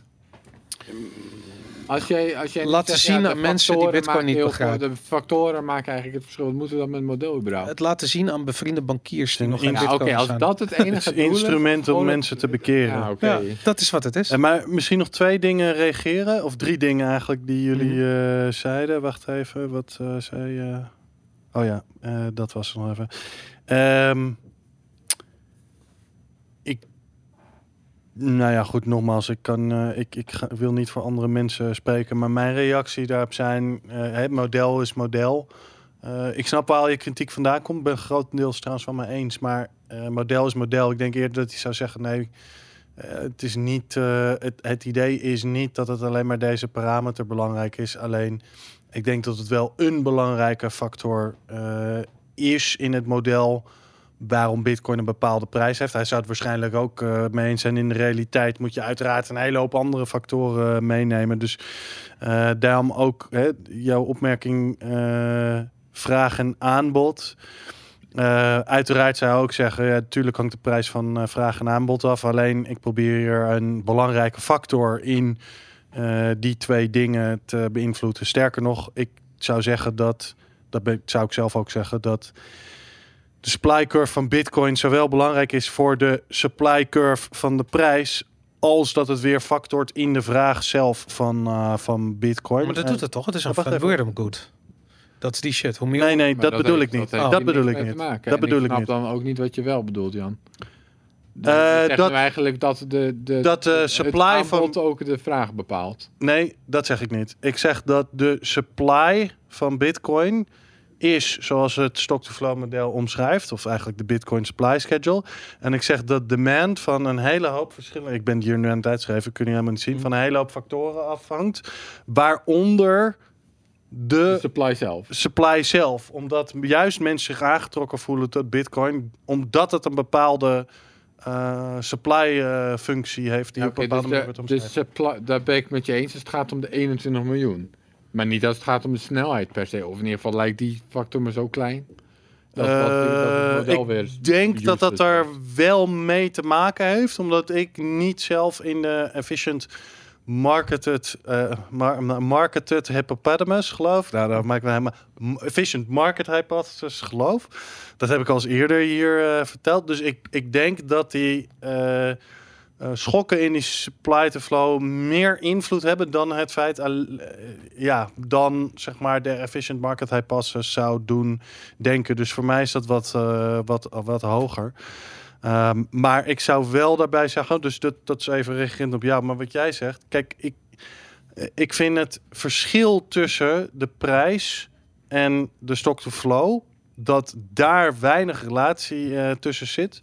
Van de kritiek van deze man, Nico, eh, vind ik wel behoorlijk sterk. Dus ik ben, ik ben heel erg benieuwd. Trouwens, de andere punt die maakt vind ik ook wel redelijk sterk. Dus eh, ik ben wel eigenlijk benieuwd aan hoe Plan B erop reageert. Want je zei, hij had al gereageerd, maar... heb Ja, maar de- niet per se op dit artikel. Dit artikel is van gisteren, dus ik heb dat, daar nog eh, niet de reactie op gezien. Maar dan- hij heeft in het verleden... Kijk, dit is natuurlijk een lopende discussie. Ja. Al vanaf dat dat stock-to-flow model is gepubliceerd, krijgt hij bijvoorbeeld over die, eh, die efficiënte, eh, dat efficiënte nijlpaard veel vragen van waarom is dat nog niet priced in als je dit inderdaad met zoveel stelligheid kunt zeggen. Dus dat is een lopende discussie. En een ander argument wat vaak wordt aangedragen is van ja, er zijn, gedragen, er zijn relatief weinig datapunten. Dat is waarom hij zelf op zoek is gegaan naar eh, andere eh, goederen die op nou, dat stokt wel. En dat is, heeft hij met goud en zilver gedaan bijvoorbeeld. En ook met een aantal shitcoins waar totaal geen sprake van co-integratie was. Dus eh, dat is interessant. En mm, ja, meer. Maar weinig datapunten. We hebben het hier over een. oh, sorry. Ja. We hebben het hier over. even kijken. Hij heeft een periode van pak een beet acht jaar of zo voor dat model. Dus 8 keer 12 is 80. 6 is bijna 100 datapunten. Dat zijn er toch wel behoorlijk eh, veel. Maar goed, waar je natuurlijk ook een vraag kunt, bij kunt stellen. Dat is Mhm. misschien. eh, nogmaals, ik ben wel benieuwd hoe Plan B daar zelf over denkt. Eh, kijk, die. eh, eh, driehoekje X, driehoekje Y. Dus verschil in de X en, de en de Y. Dat daar een relatie tussen zit. Wellicht zegt hij, en dat vermoed ik, dat zou misschien iets in het antwoord moeten zijn. Dat je een soort van lag effect of eh, dat je dat anders moet opdelen of wat dan ook. Dus nou ja, goed. Ik zou benieuwd zijn in, die, eh, Ja. in de reactie. Maar goed. Nou goed, ik denk dat het duidelijk is dat we plan B eh, hier in de studio terug moeten hebben om te praten over wat hier allemaal aan de hand is. En ik denk ook dat het interessant is om te kijken van ja, wat zien we nou gebeuren in die prijs? En is er nog sprake? Is het model nog intact? Nou, die blijft gewoon tussen 9 en 10.000 voor de rest, De rest van het- van de eeuwigheid, die- die- hè, ja. Hoe lang hangt die prijs daar nou al, joh? Ja, maar goed, dat, dat, dat, ik, ik kan me dat wel eerder herinneren. Er is Zo'n zo'n 500 dollar moment Oh, ja, ja. dat ook fucking tot in de eeuwigheid duurde.